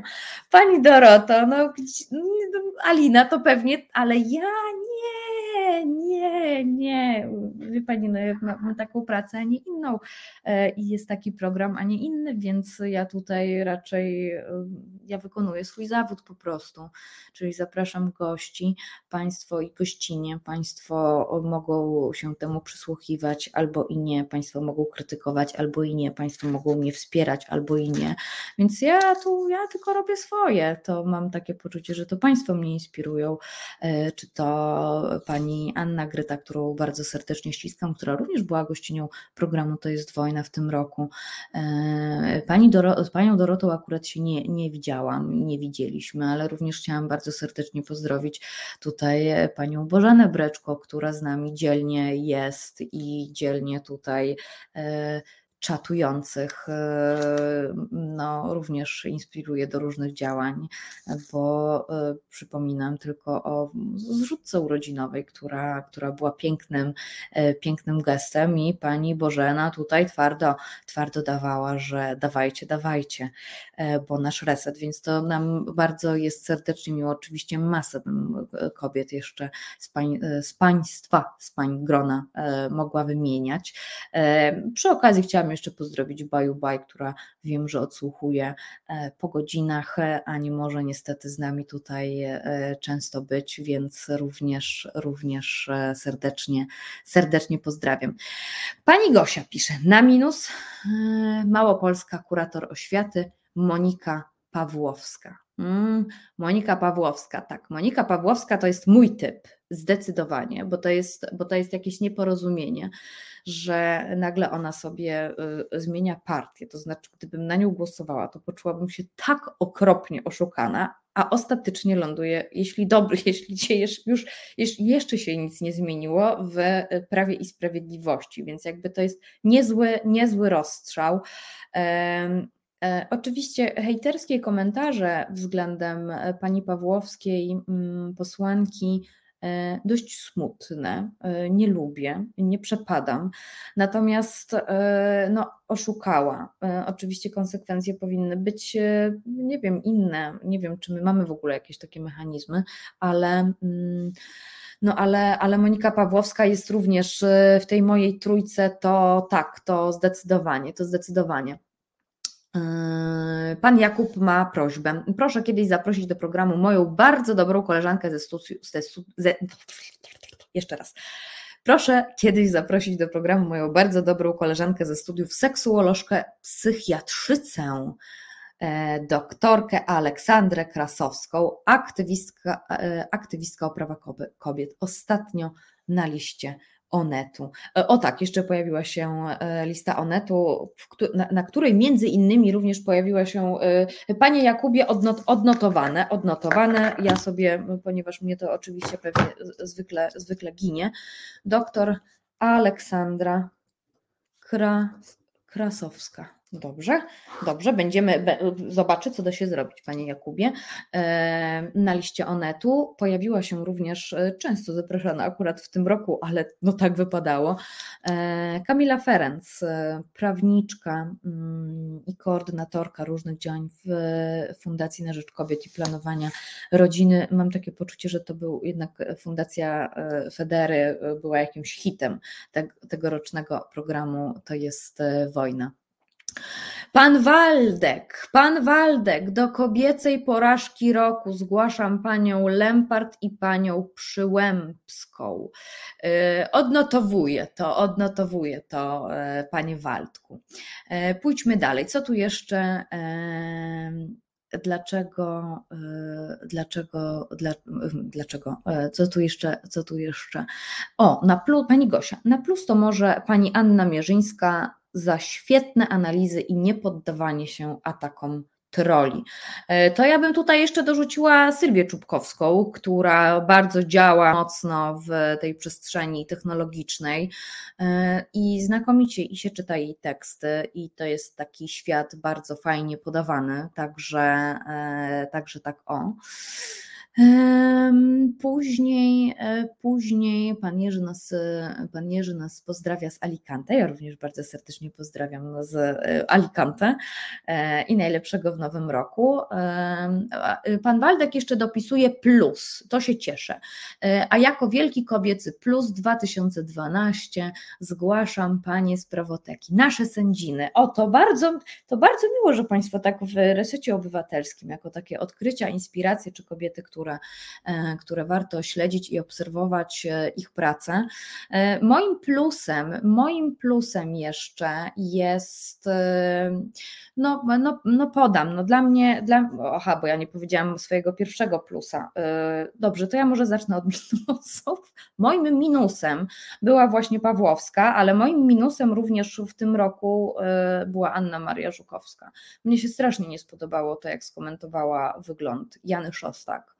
E, i uważam, że to nie wypada i w ogóle totalny strzał w stopę. I, i jakby cały niesmak jest, więc jak widzę, że coś e, pani Anna Maria Żukowska pisze, e, publikuje, udostępnia, to mam jakiś taki wzdryk, ale staram się oddzielać ziarna od plew, natomiast to było, to było, to było, coś, to było coś absolutnie niestosownego, niestosownego, nie na miejscu. I naprawdę, jeżeli ktoś chce równości, żeby świat był lepszy, no to nie możemy sobie pozwalać na takie komentarze, no bo to jest po, no po prostu przedszkole, absolutnie przedszkole. E, natomiast właśnie moim plusem e, byłaby właśnie Jana Szostak, która nas, mam takie poczucie, nas wszystkich porwała swoim krzykiem. Nie tylko ona, nie tylko ona, ale również wskazywała na wiele okropnych rzeczy, które dzieją się e, za naszą wschodnią granicą w Białorusi. Ale jeszcze chciałabym do Jany Szostak dorzucić osoby, które mi bardzo zapadną w pamięć. To są osoby, e, które również gościliśmy w programie To jest wojna, między innymi e, Stasiek Glinik czy, czy, czy, czy, czy, czy, czy Karolina Szamotowicz, e, czyli osoby, które zdecydowały się na strajk głodowy właśnie w imię tutaj Białorusi. E, tak to, tak to nazwę. Więc to są na przykład dla mnie, dla mnie też Białorusinki właśnie walczące o, o, prawa, o prawa wszystkich Białorusinów. E, więc to tak. Natomiast drugą, e, dru, drugą no kolejną osobą, która mi tak bardzo mocno zapadła w pamięć, to również Jagoda Grondecka z ogromną odwagą, z ogromnym zaangażowaniem. Nie jestem teraz dziennikarką, jestem człowiekiem, znam język, pomogę Polkom czy Afgańczykom, którzy współpracowali z mm, polskimi służbami, ewakuować się z Afganistanu w sierpniu tego roku. No, y, zresztą z Jagodą Grondecką rozmawialiśmy tydzień temu, więc serdecznie Państwa tutaj e, odsyłam, odsyłam, odsyłam. E, dobrze, ja myślę, że czas na. E, myślę, że e, jeszcze a propos, a propos plusów, do plusów i minusów jeszcze dojdziemy, do plusów kobiet i minusów kobiet. Natomiast usłyszmy się za moment i wprowadzimy naszą gościnę specjalną do programu To jest wojna. Wracamy e, na szybko. E, i e, jeszcze przeczytam od pana Adriana tutaj wiadomość, bo również pozwolił sobie na aż pięć kobiet po jednej i po drugiej stronie, czyli kobiety na, na plus w 2021 roku to Marta Lempart, Izabela Leszczyna, Klaudia Jachira, Małgorzata Tracz, Monika Wielichowska, I y, natomiast negatywna piątka kobiet to y, na pierwszym miejscu Kaja Godek, na drugim Julia Przyłębska, na trzecim Krystyna Pawłowicz, Beata Kępa i na piątym Monika Pawłowska. Natomiast na tym pierwszym miejscu również usytuowała chyba na pierwszym miejscu Kaja Godek, nasza dzisiejsza e, tajemnicza gościnia. Dlaczego tajemnicza, to sobie zaraz powiemy, czyli Dominika Kasprowicz z zarządu Fundacji Ogólnopolskiego Strajku Kobiet. Filipie, możemy już wprowadzić naszą gościnę do wirtualnego studia. Witam Cię serdecznie. Witam też. Bardzo miło Cię widzieć po przerwie. Ciebie również, ciebie również. Tak, bo my się chyba w wakacje widziałyśmy z tego, co pamiętam. Tak, tak, tak, z tego, co pamiętam. E, Dominikę Kasprowicz Państwo znają, rozmawialiśmy o tym, ile kosztuje na przykład aktywizm, ile, jak wygląda od kuchni ogólnopolski strajk e, kobiet. E, powiedz, jakie ty masz typy na ten rok takich, wiesz, na plus kobiet i na minus kobiet, bo u mnie to Jana Szostak i Jagoda Grądecka są zdecydowanie na plus, no i oczywiście e, strajk głodowy Białorusinek e, pod, e, na Świętokrzyskiej w Warszawie, Świętokrzyska Jasna, tam gdzie jest Komisja Europejska. Kiedy ja tam byłam, to po prostu ja się popłach, ja, ja ryczałam cały czas. Po prostu to było dla mnie aż nie, nie, nie do przejścia.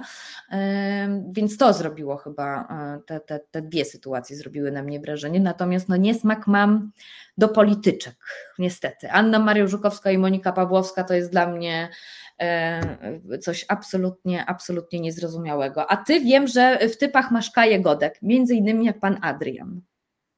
No, tak tutaj podsłuchiwałam troszeczkę, co Państwo w komentarzach pisali. Podsłuchiwałam, co tutaj Marta też proponowała, właśnie. E, I powiem szczerze, że ja mam zawsze problem, żeby się ograniczyć. Więc jak usłyszałam o Jezu trzy, to już w ogóle dramat. I zaraz sobie wymyśliłam, że no dobra, to może trzy w kategoriach różnych, e, ale jak przyszło co do czego, ja tak lubię z kartką i, i listy różne robić, więc sobie tutaj usiadłam i zaczęłam spisywać te nazwiska. Przy tym plusie i minusie. I tak mi wyszło, że z tymi minusami to taka ciekawostka tutaj feministyczna, że z tymi minusami to tych kobiet wcale nie mam tak dużo na tej liście. I Aha, chyba wychodzisz faktycznie... z założenia, żeby ich tak, e, żeby nie, nie, nie podcinać tak nóg za Może bardzo. To nawet to nie tak jest, tylko mm, bardziej chodziło mi o to, że mm, jakoś faceci tutaj mocniej nabroili, tak? I jak sobie jeszcze zestawiałam to, co tutaj gdzieś e, już wcześniej widziałam u ciebie, z tym, co na przykład e, zrobili podsumowanie tam dzbany roku chłopaki z Make Life Harder razem z adminem z Nie. nie tak. tak, e, więc to po prostu sobie pomyślałam, że to się gdzieś tam musi zbiegać. No i tam u nich ewidentnie są ćwierćfinały, więc to jeszcze nie jest te, te podium. Tam z kobiet jest, jest Justyna Socha na przykład. Tak, tak. Mejza, Dworczyk tutaj z facetami, Suski, Kuki, Sobajtek, Macierewicz. Nie, tam jest po prostu e, kurczę, z dziesięciu takich agentów, którzy po prostu powinni być wszyscy w jakąś jedną rakietę wsadzeni, wysłani gdzieś w kosmos.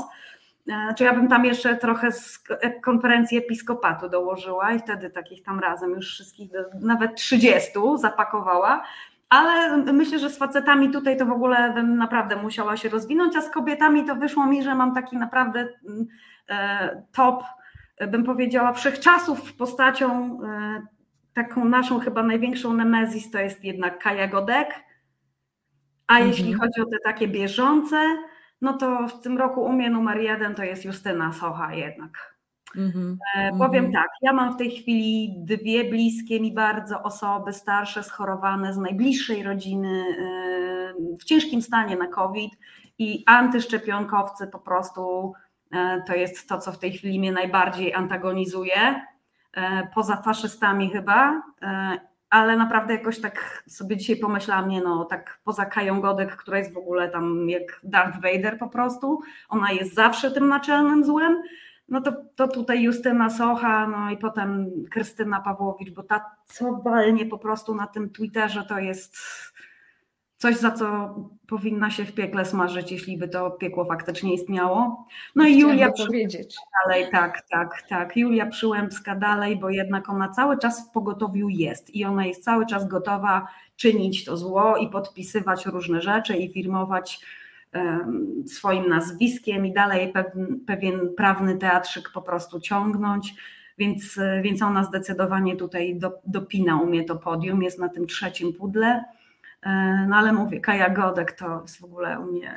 Kurczę, wy to tak w hardkorach po prostu, w takich hardkorach. Ja miałam takie poczucie, że tych hardkorów to wiesz, to nie trzeba nawet wymieniać z imienia i e, nazwiska, czy to po jednej i po drugiej stronie. Jakoś tak chciałam się skoncentrować na takich, tak. Takich mniejszych. Takich mniejszych. Wiesz co, to jest chyba trochę też tak, że e, no ja tak osobiście mam, bo to nie są jakieś strajkowe typy oczywiście, tylko to są moje prywatne typy, że mi innym osobom jakoś łatwiej przychodzi te wszystkie wtopy e, zapomnieć, może nie wybaczyć, ale po prostu myśleć, ja pierdzielę, co ona powiedziała, albo co on tutaj znowu walnął. Mhm. Już było tak dobrze, już wydawało się, że ta osoba złapała jakiś taki moralny pion i już coś zatrybiła czasami, naprawdę, że już wiesz, coś, czegoś się nauczyła. No, Państwo wiedzą, że też politycy, niektórzy nasi się dużo uczą od ulicy, E, i jakby ścierają się z ludźmi, e, idąc z nimi gdzieś tam na przykład na, na ulicy właśnie w jakimś tam proteście, nie mówię, że tylko po stronie strajku kobiet, ale w tych różnych tam innych też. Więc gdzieś tam jednak oni się z tej ulicy uczą, przechwytują pewne hasła, jakieś tam łapią takie rzeczy i trochę jednak im się te klapki tam otwierają albo jeszcze bardziej zamykają w jakimś tam kierunku, ale gdzieś jakiś progres robią, nie?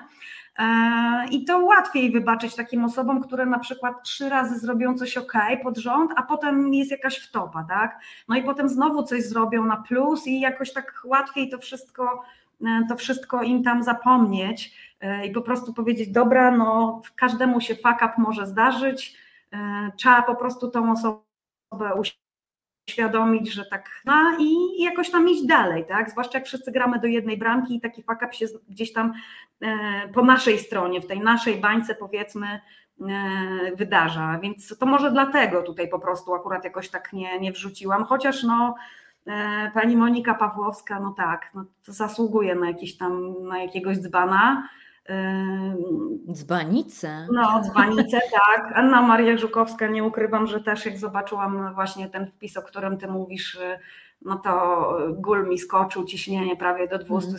Mm. No, nie będę już tam cytować, co sobie pomyślałam. No, to było mega po prostu, no to był fuck up, no i to, pokazuje, że gdzieś tam można pewne rzeczy przyswoić, politycznie można jakieś tam sztandary nieść, a jak ktoś ma nieuwewnętrznione pewne rzeczy, no to, to po prostu wychodzi w takich momentach, nie? Gdzieś tam szydło z worka, że że to tam prawda. o tym optymizmie to my gdzieś możemy sobie pogadać, ale jak przychodzi co do czego, to gdzieś tam są pewne rzeczy głęboko zakodowane i kawałek cycka był pokazany i już nagle wychodzi po prostu z człowieka ta prawda cała, tak?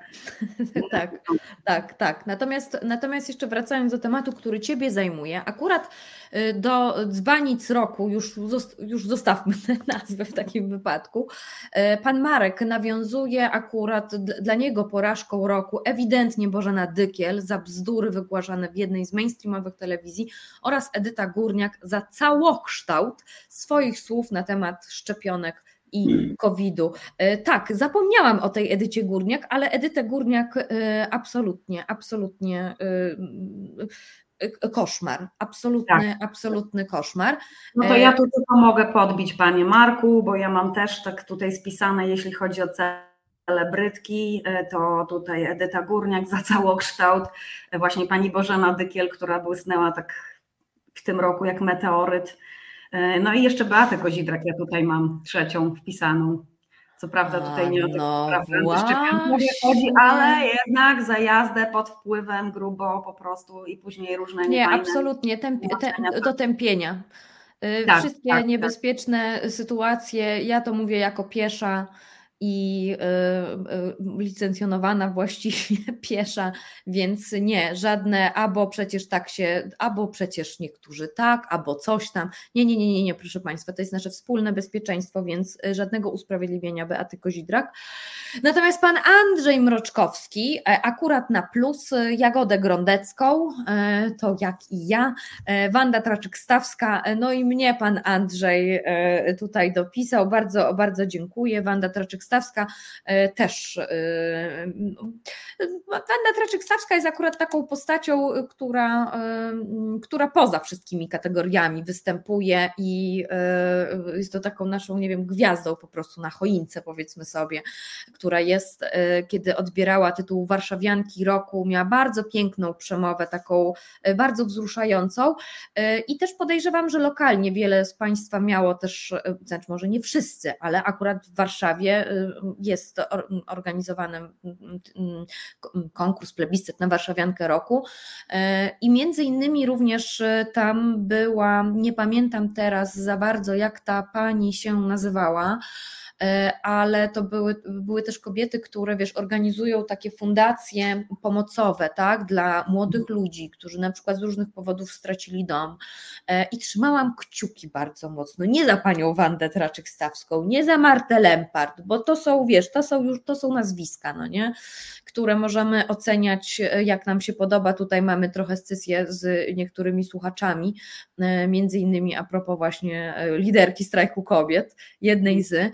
E, natomiast, natomiast e, w przypadku, kurczę, nie pamiętam jak ta pani się nazywała, ale ja wiem, że byłam w sercu miasta kiedyś.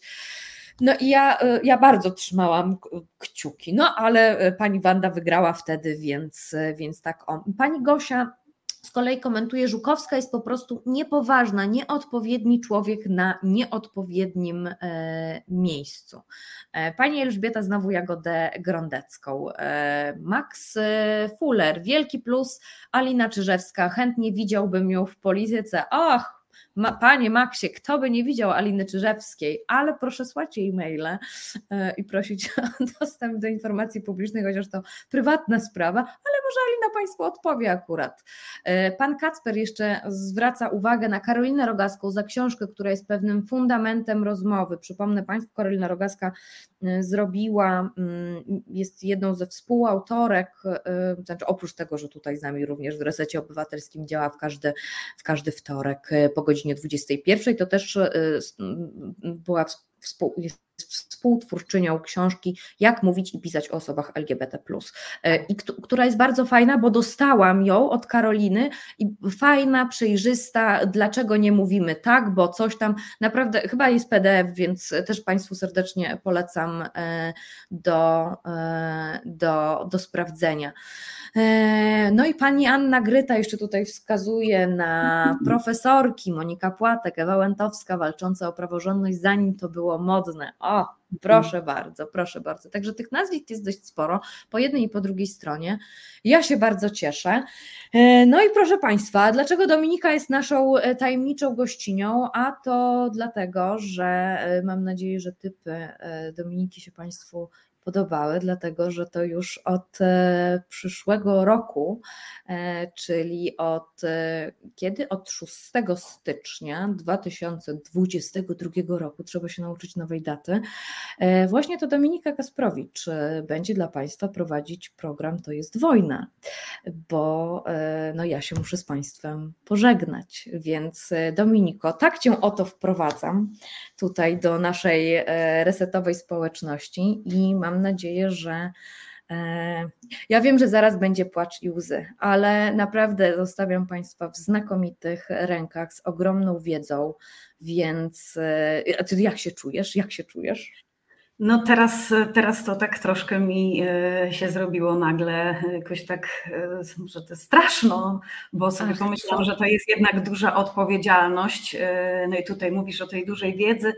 Czym ja się na pewno z Państwem będę chciała podzielić? Trochę tą kuchnią strajkową, ale też bym chciała od razu, żeby to wybrzmiało, że e, jakby no, wchodzę tutaj w trochę w Marty buty, e, bo program jest e, o ustalonej tematyce, ma już swoje grono tutaj takie stałe i ja bym nie chciała Państwa bardzo zawieść i postaram się godnie Martę tutaj zastąpić. E, może troszkę będzie więcej takiej kuchni strajkowej, ale to też jakby nie znaczy, że ja tutaj będę reprezentować strajk, bo ja oczywiście jestem częścią tego ruchu e, gigantycznego ogólnopolskiego kobiet, no ale też jestem dziennikarką z wykształcenia i na pewno tutaj e, będę po prostu do swoich obowiązków podchodzić. I radiowczynią jeszcze byłaś, tak, prawda? No właśnie. Więc dla mnie to jest, to jest mega sprawa powiem szczerze, trochę mi się to dziwne wydaje, że ja się będę łączyła z resetem i nie będę się łączyła z Martą, tak? No bo my się już zdążyłyśmy zaprzyjaźnić i, i to będzie trochę dziwne e, być w resecie nie z Martą, ale myślę, że będzie tak jak, tak jak tutaj Marta zapraszała do tej pory, naprawdę masa e, rewelacyjnych gościń i, i gości. E, I już w tym momencie chciałabym Państwa zaprosić na przyszły tydzień, gdzie, e, gdzie będę rozmawiać z dwojgiem gości z Anitą Czarniecką z Zalewa, tak zwaną Anitą z Zalewa. My w strajku się najczęściej po, po, po, porozumiewamy ze sobą takimi właśnie kodami trochę, czyli idzie imię i nazwa miasta, miejscowości i, i tak się w ten sposób wszystkie znamy i namierzamy. E, tych nazwisk do spamiętania byłoby po prostu za dużo w całej Polsce. No Czemu Anita zalewa tutaj na pierwszy ogień? E, raz, jeszcze u Marty tutaj nie była w resecie. Dwa, to jest dziewczyna, która w tym roku, e, jeśli chodzi o takie strajkowe podium, to jest zdecydowanie numer jeden, bo oczywiście jest tam Marta, jest, jest Klen, e, jest Czere, to są te nasze liderki od lat, jakby one mają utrwaloną reputację, one mogą najrozmaitsze skojarzenia i, i reakcje wywoływać i wcale mnie to jakby nie dziwi, ani jakoś e, e, jakby no już jestem przyzwyczajona do tego, że, że na przykład nazwisko Lempart różne budzi emocje i, i, i skrajne często, no ale to one są też znowu jakby ten, ten top taki of all time nasz strajkowy, bo jakby nie było na swoich barkach po prostu te 6 lat już prawie dźwigają pewne rzeczy. E, ale są też takie osoby, o których się mało mówi e, i rzadko się coś wydostaje jakby mm, na zewnątrz. E, I Anita akurat jest taką osobą, która w tym roku z całej Polski zrobiła na mnie chyba największe wrażenie takim konkretnym jednym działaniem, bo dziewczyna po 22 października się po prostu wkurzyła i stwierdziła, że ona coś zrobi. I od takiego powiedzenia gdzieś tam mi przez telefon, że ona coś po prostu musi z tym zrobić i ona pomyśli i coś wymyśli, jak wymyśli, to mi da znać. No jak mi dała znać, to się okazało, że jest po prostu giga kampania, taka edukacyjna e, pod tytułem O tym się nie mówi. A, powstaje, tak, no. powstaje film i w tej chwili sprawdzałam jeszcze przed samą emisją programu, żeby Państwa nie oszukać, nie przekłamać, jest już ponad 72 tysiące na koncie e, zbiórki na zrzutce.pl, e, jeśli, jeśli chodzi o produkcję tego filmu, więc dziewczyna po, po prostu powiedziała, że coś musi zrobić, żeby pokazać, jakie piekło urządzamy kobietom, tym, tym, które bezpośrednio jakby po wyroku zostały dotknięte sytuacją, czyli które już. A to jest naprawdę ogrom, ogrom roboty, bo tak.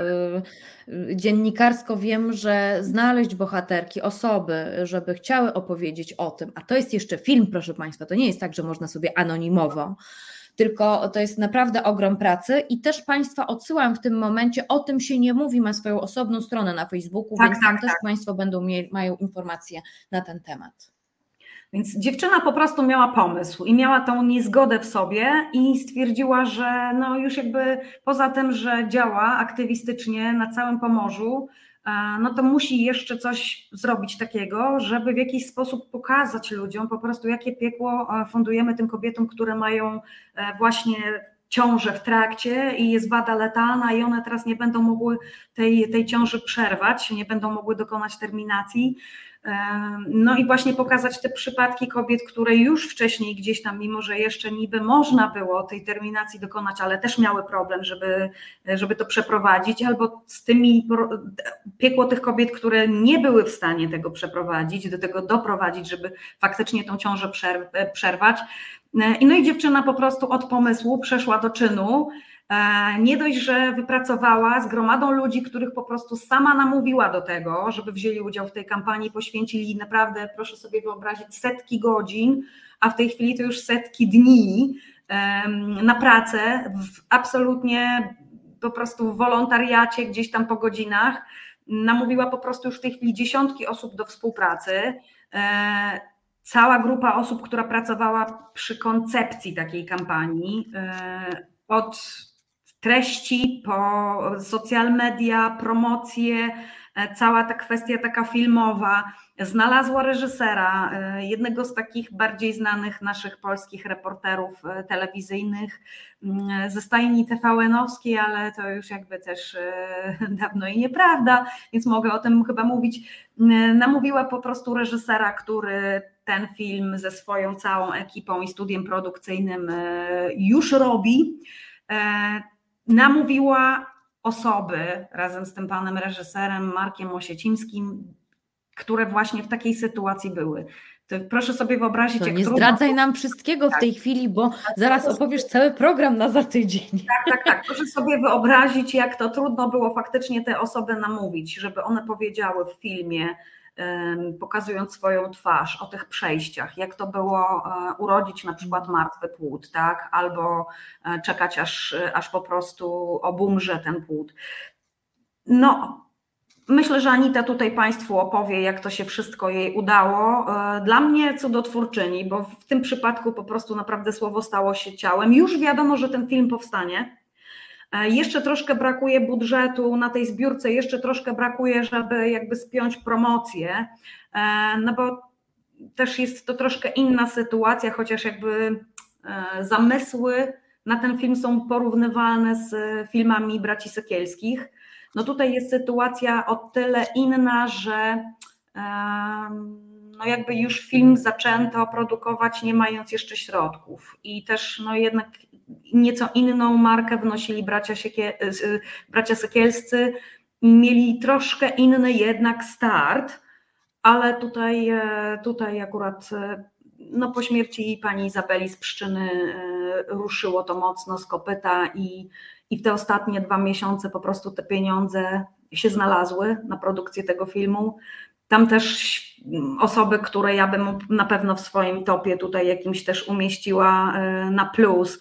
Maja Herman, psychiatrka, jedna z najbardziej znanych w Polsce, e, udzielająca się bardzo tak odważnie w kwestii właśnie aborcji w mediach. Um, oczywiście doktor Aleksandra Krasowska, która tu też już dzisiaj była e, wymieniana. Tak, tak. Doktor Masz Anna zadanie jako gościnie zaprosić. Tak, doktor Anna Parzyńska, doktora Sztanga, czyli ginekolożka, e, doktor Maciej Socha, ginekolog, perinatolog, też specjalista właśnie od tej takiej e, chirurgii płodu i, i, i diagnozowania wad płodu.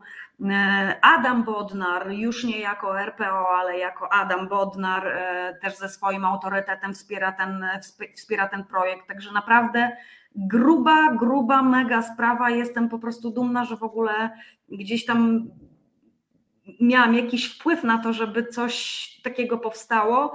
No i że jeszcze tutaj będę mogła po prostu troszeczkę Państwu o tym po, poopowiadać, bo, bo to jest naprawdę przykład do naśladowania i to pokazuje, że każda i każdy z nas, każda naprawdę osoba w tym kraju, która w sobie ma wystarczająco dużo tego brzydko mówiąc, w kurwu na rzeczywistość, e, na to, co się dzieje, może, naprawdę może wszystko. Trzeba co prawda mieć w sobie tą zaciętość, jakąś taką mm, hardość po prostu i, i twardy tyłek na, e, na nie, na odmowy, ale można, naprawdę można wszystko.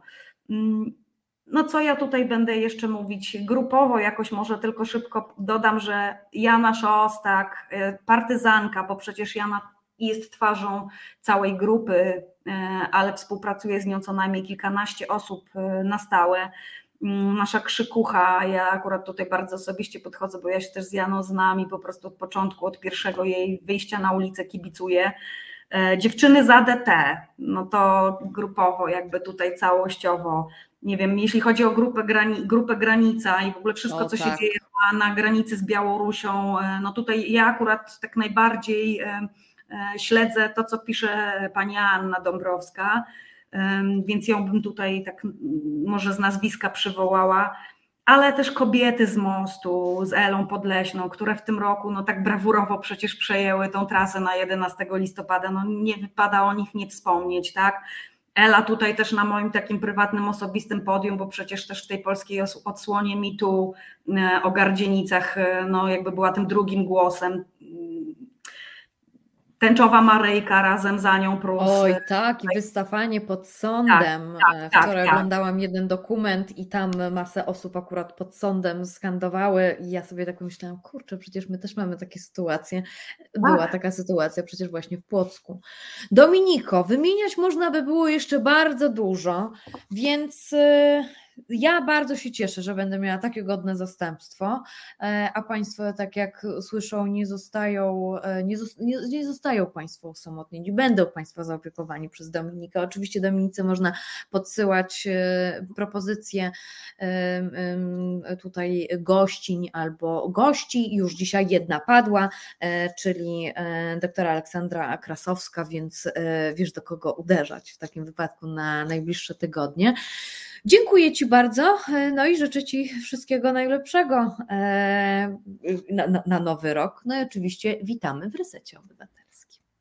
No dziękuję bardzo, oczywiście i Tobie i też wszystkim Państwu wszystkiego najlepszego na nowy rok i widzimy się 6 stycznia. Może tylko dodam, że zmiana godziny będzie, bo, bo ja będę nadawać od 21 do 23. E, no i Także. to chyba tyle. Także 6 stycznia 21 e, Reset Obywatelski i program To jest wojna z nową prowadzącą Dominiką Kasprowicz. Dziękuję Ci bardzo Dominiko. No i do zobaczenia, do usłyszenia. Do usłyszenia, cześć. A ja natomiast, y, no tak, no z państwem, y, z państwem się, no nie chciałabym powiedzieć, że żegnam, bo przecież my się jeszcze będziemy widzieć nie raz i nie dwa, tylko ja już po prostu nie będę prowadziła programu, to jest wojna, a powody tej decyzji są po prostu osobiste, e, ale jestem e, przekonana, że z Dominiką świetnie się Państwo odnajdą i nie zostają Państwo naprawdę z niczym, e, jak słyszeli Państwo, Dominika Kasprowicz e, jest doświadczoną e, radiowczynią, dziennikarką, działa w ogólnopolskim strajku kobiet w zarządzie fundacji. Nie będzie to tylko dookoła strajkowe, jak Państwo słyszeli, ale również o innych e, tematach feministycznych, sylwetkach kobiet. Ale to, jak będzie to robić Dominika, to wszystko zależy od niej, bo to będzie już jej program. Przy czym ja Państwu chciałabym zwrócić uwagę, że właściwie autorką tego programu na samym początku była Klementyna Słuchana Także to ona wymyśliła, to jest wojnę, e, i, i, a ja po prostu tutaj tak wzięłam w e, zastępstwo i tak już się stało, że e, zostałam gospodynią, ale bywają sytuacje, gdzie generalnie trzeba mm, zakończyć pewne etapy i z powodów osobistych muszę się z Państwem pożegnać. Bardzo Państwu dziękuję za ten ponad rok a może nawet i ponad dwa lata e, wspólnego słuchania, e, wspólnych rozmów, wymiany myśli i kontaktów.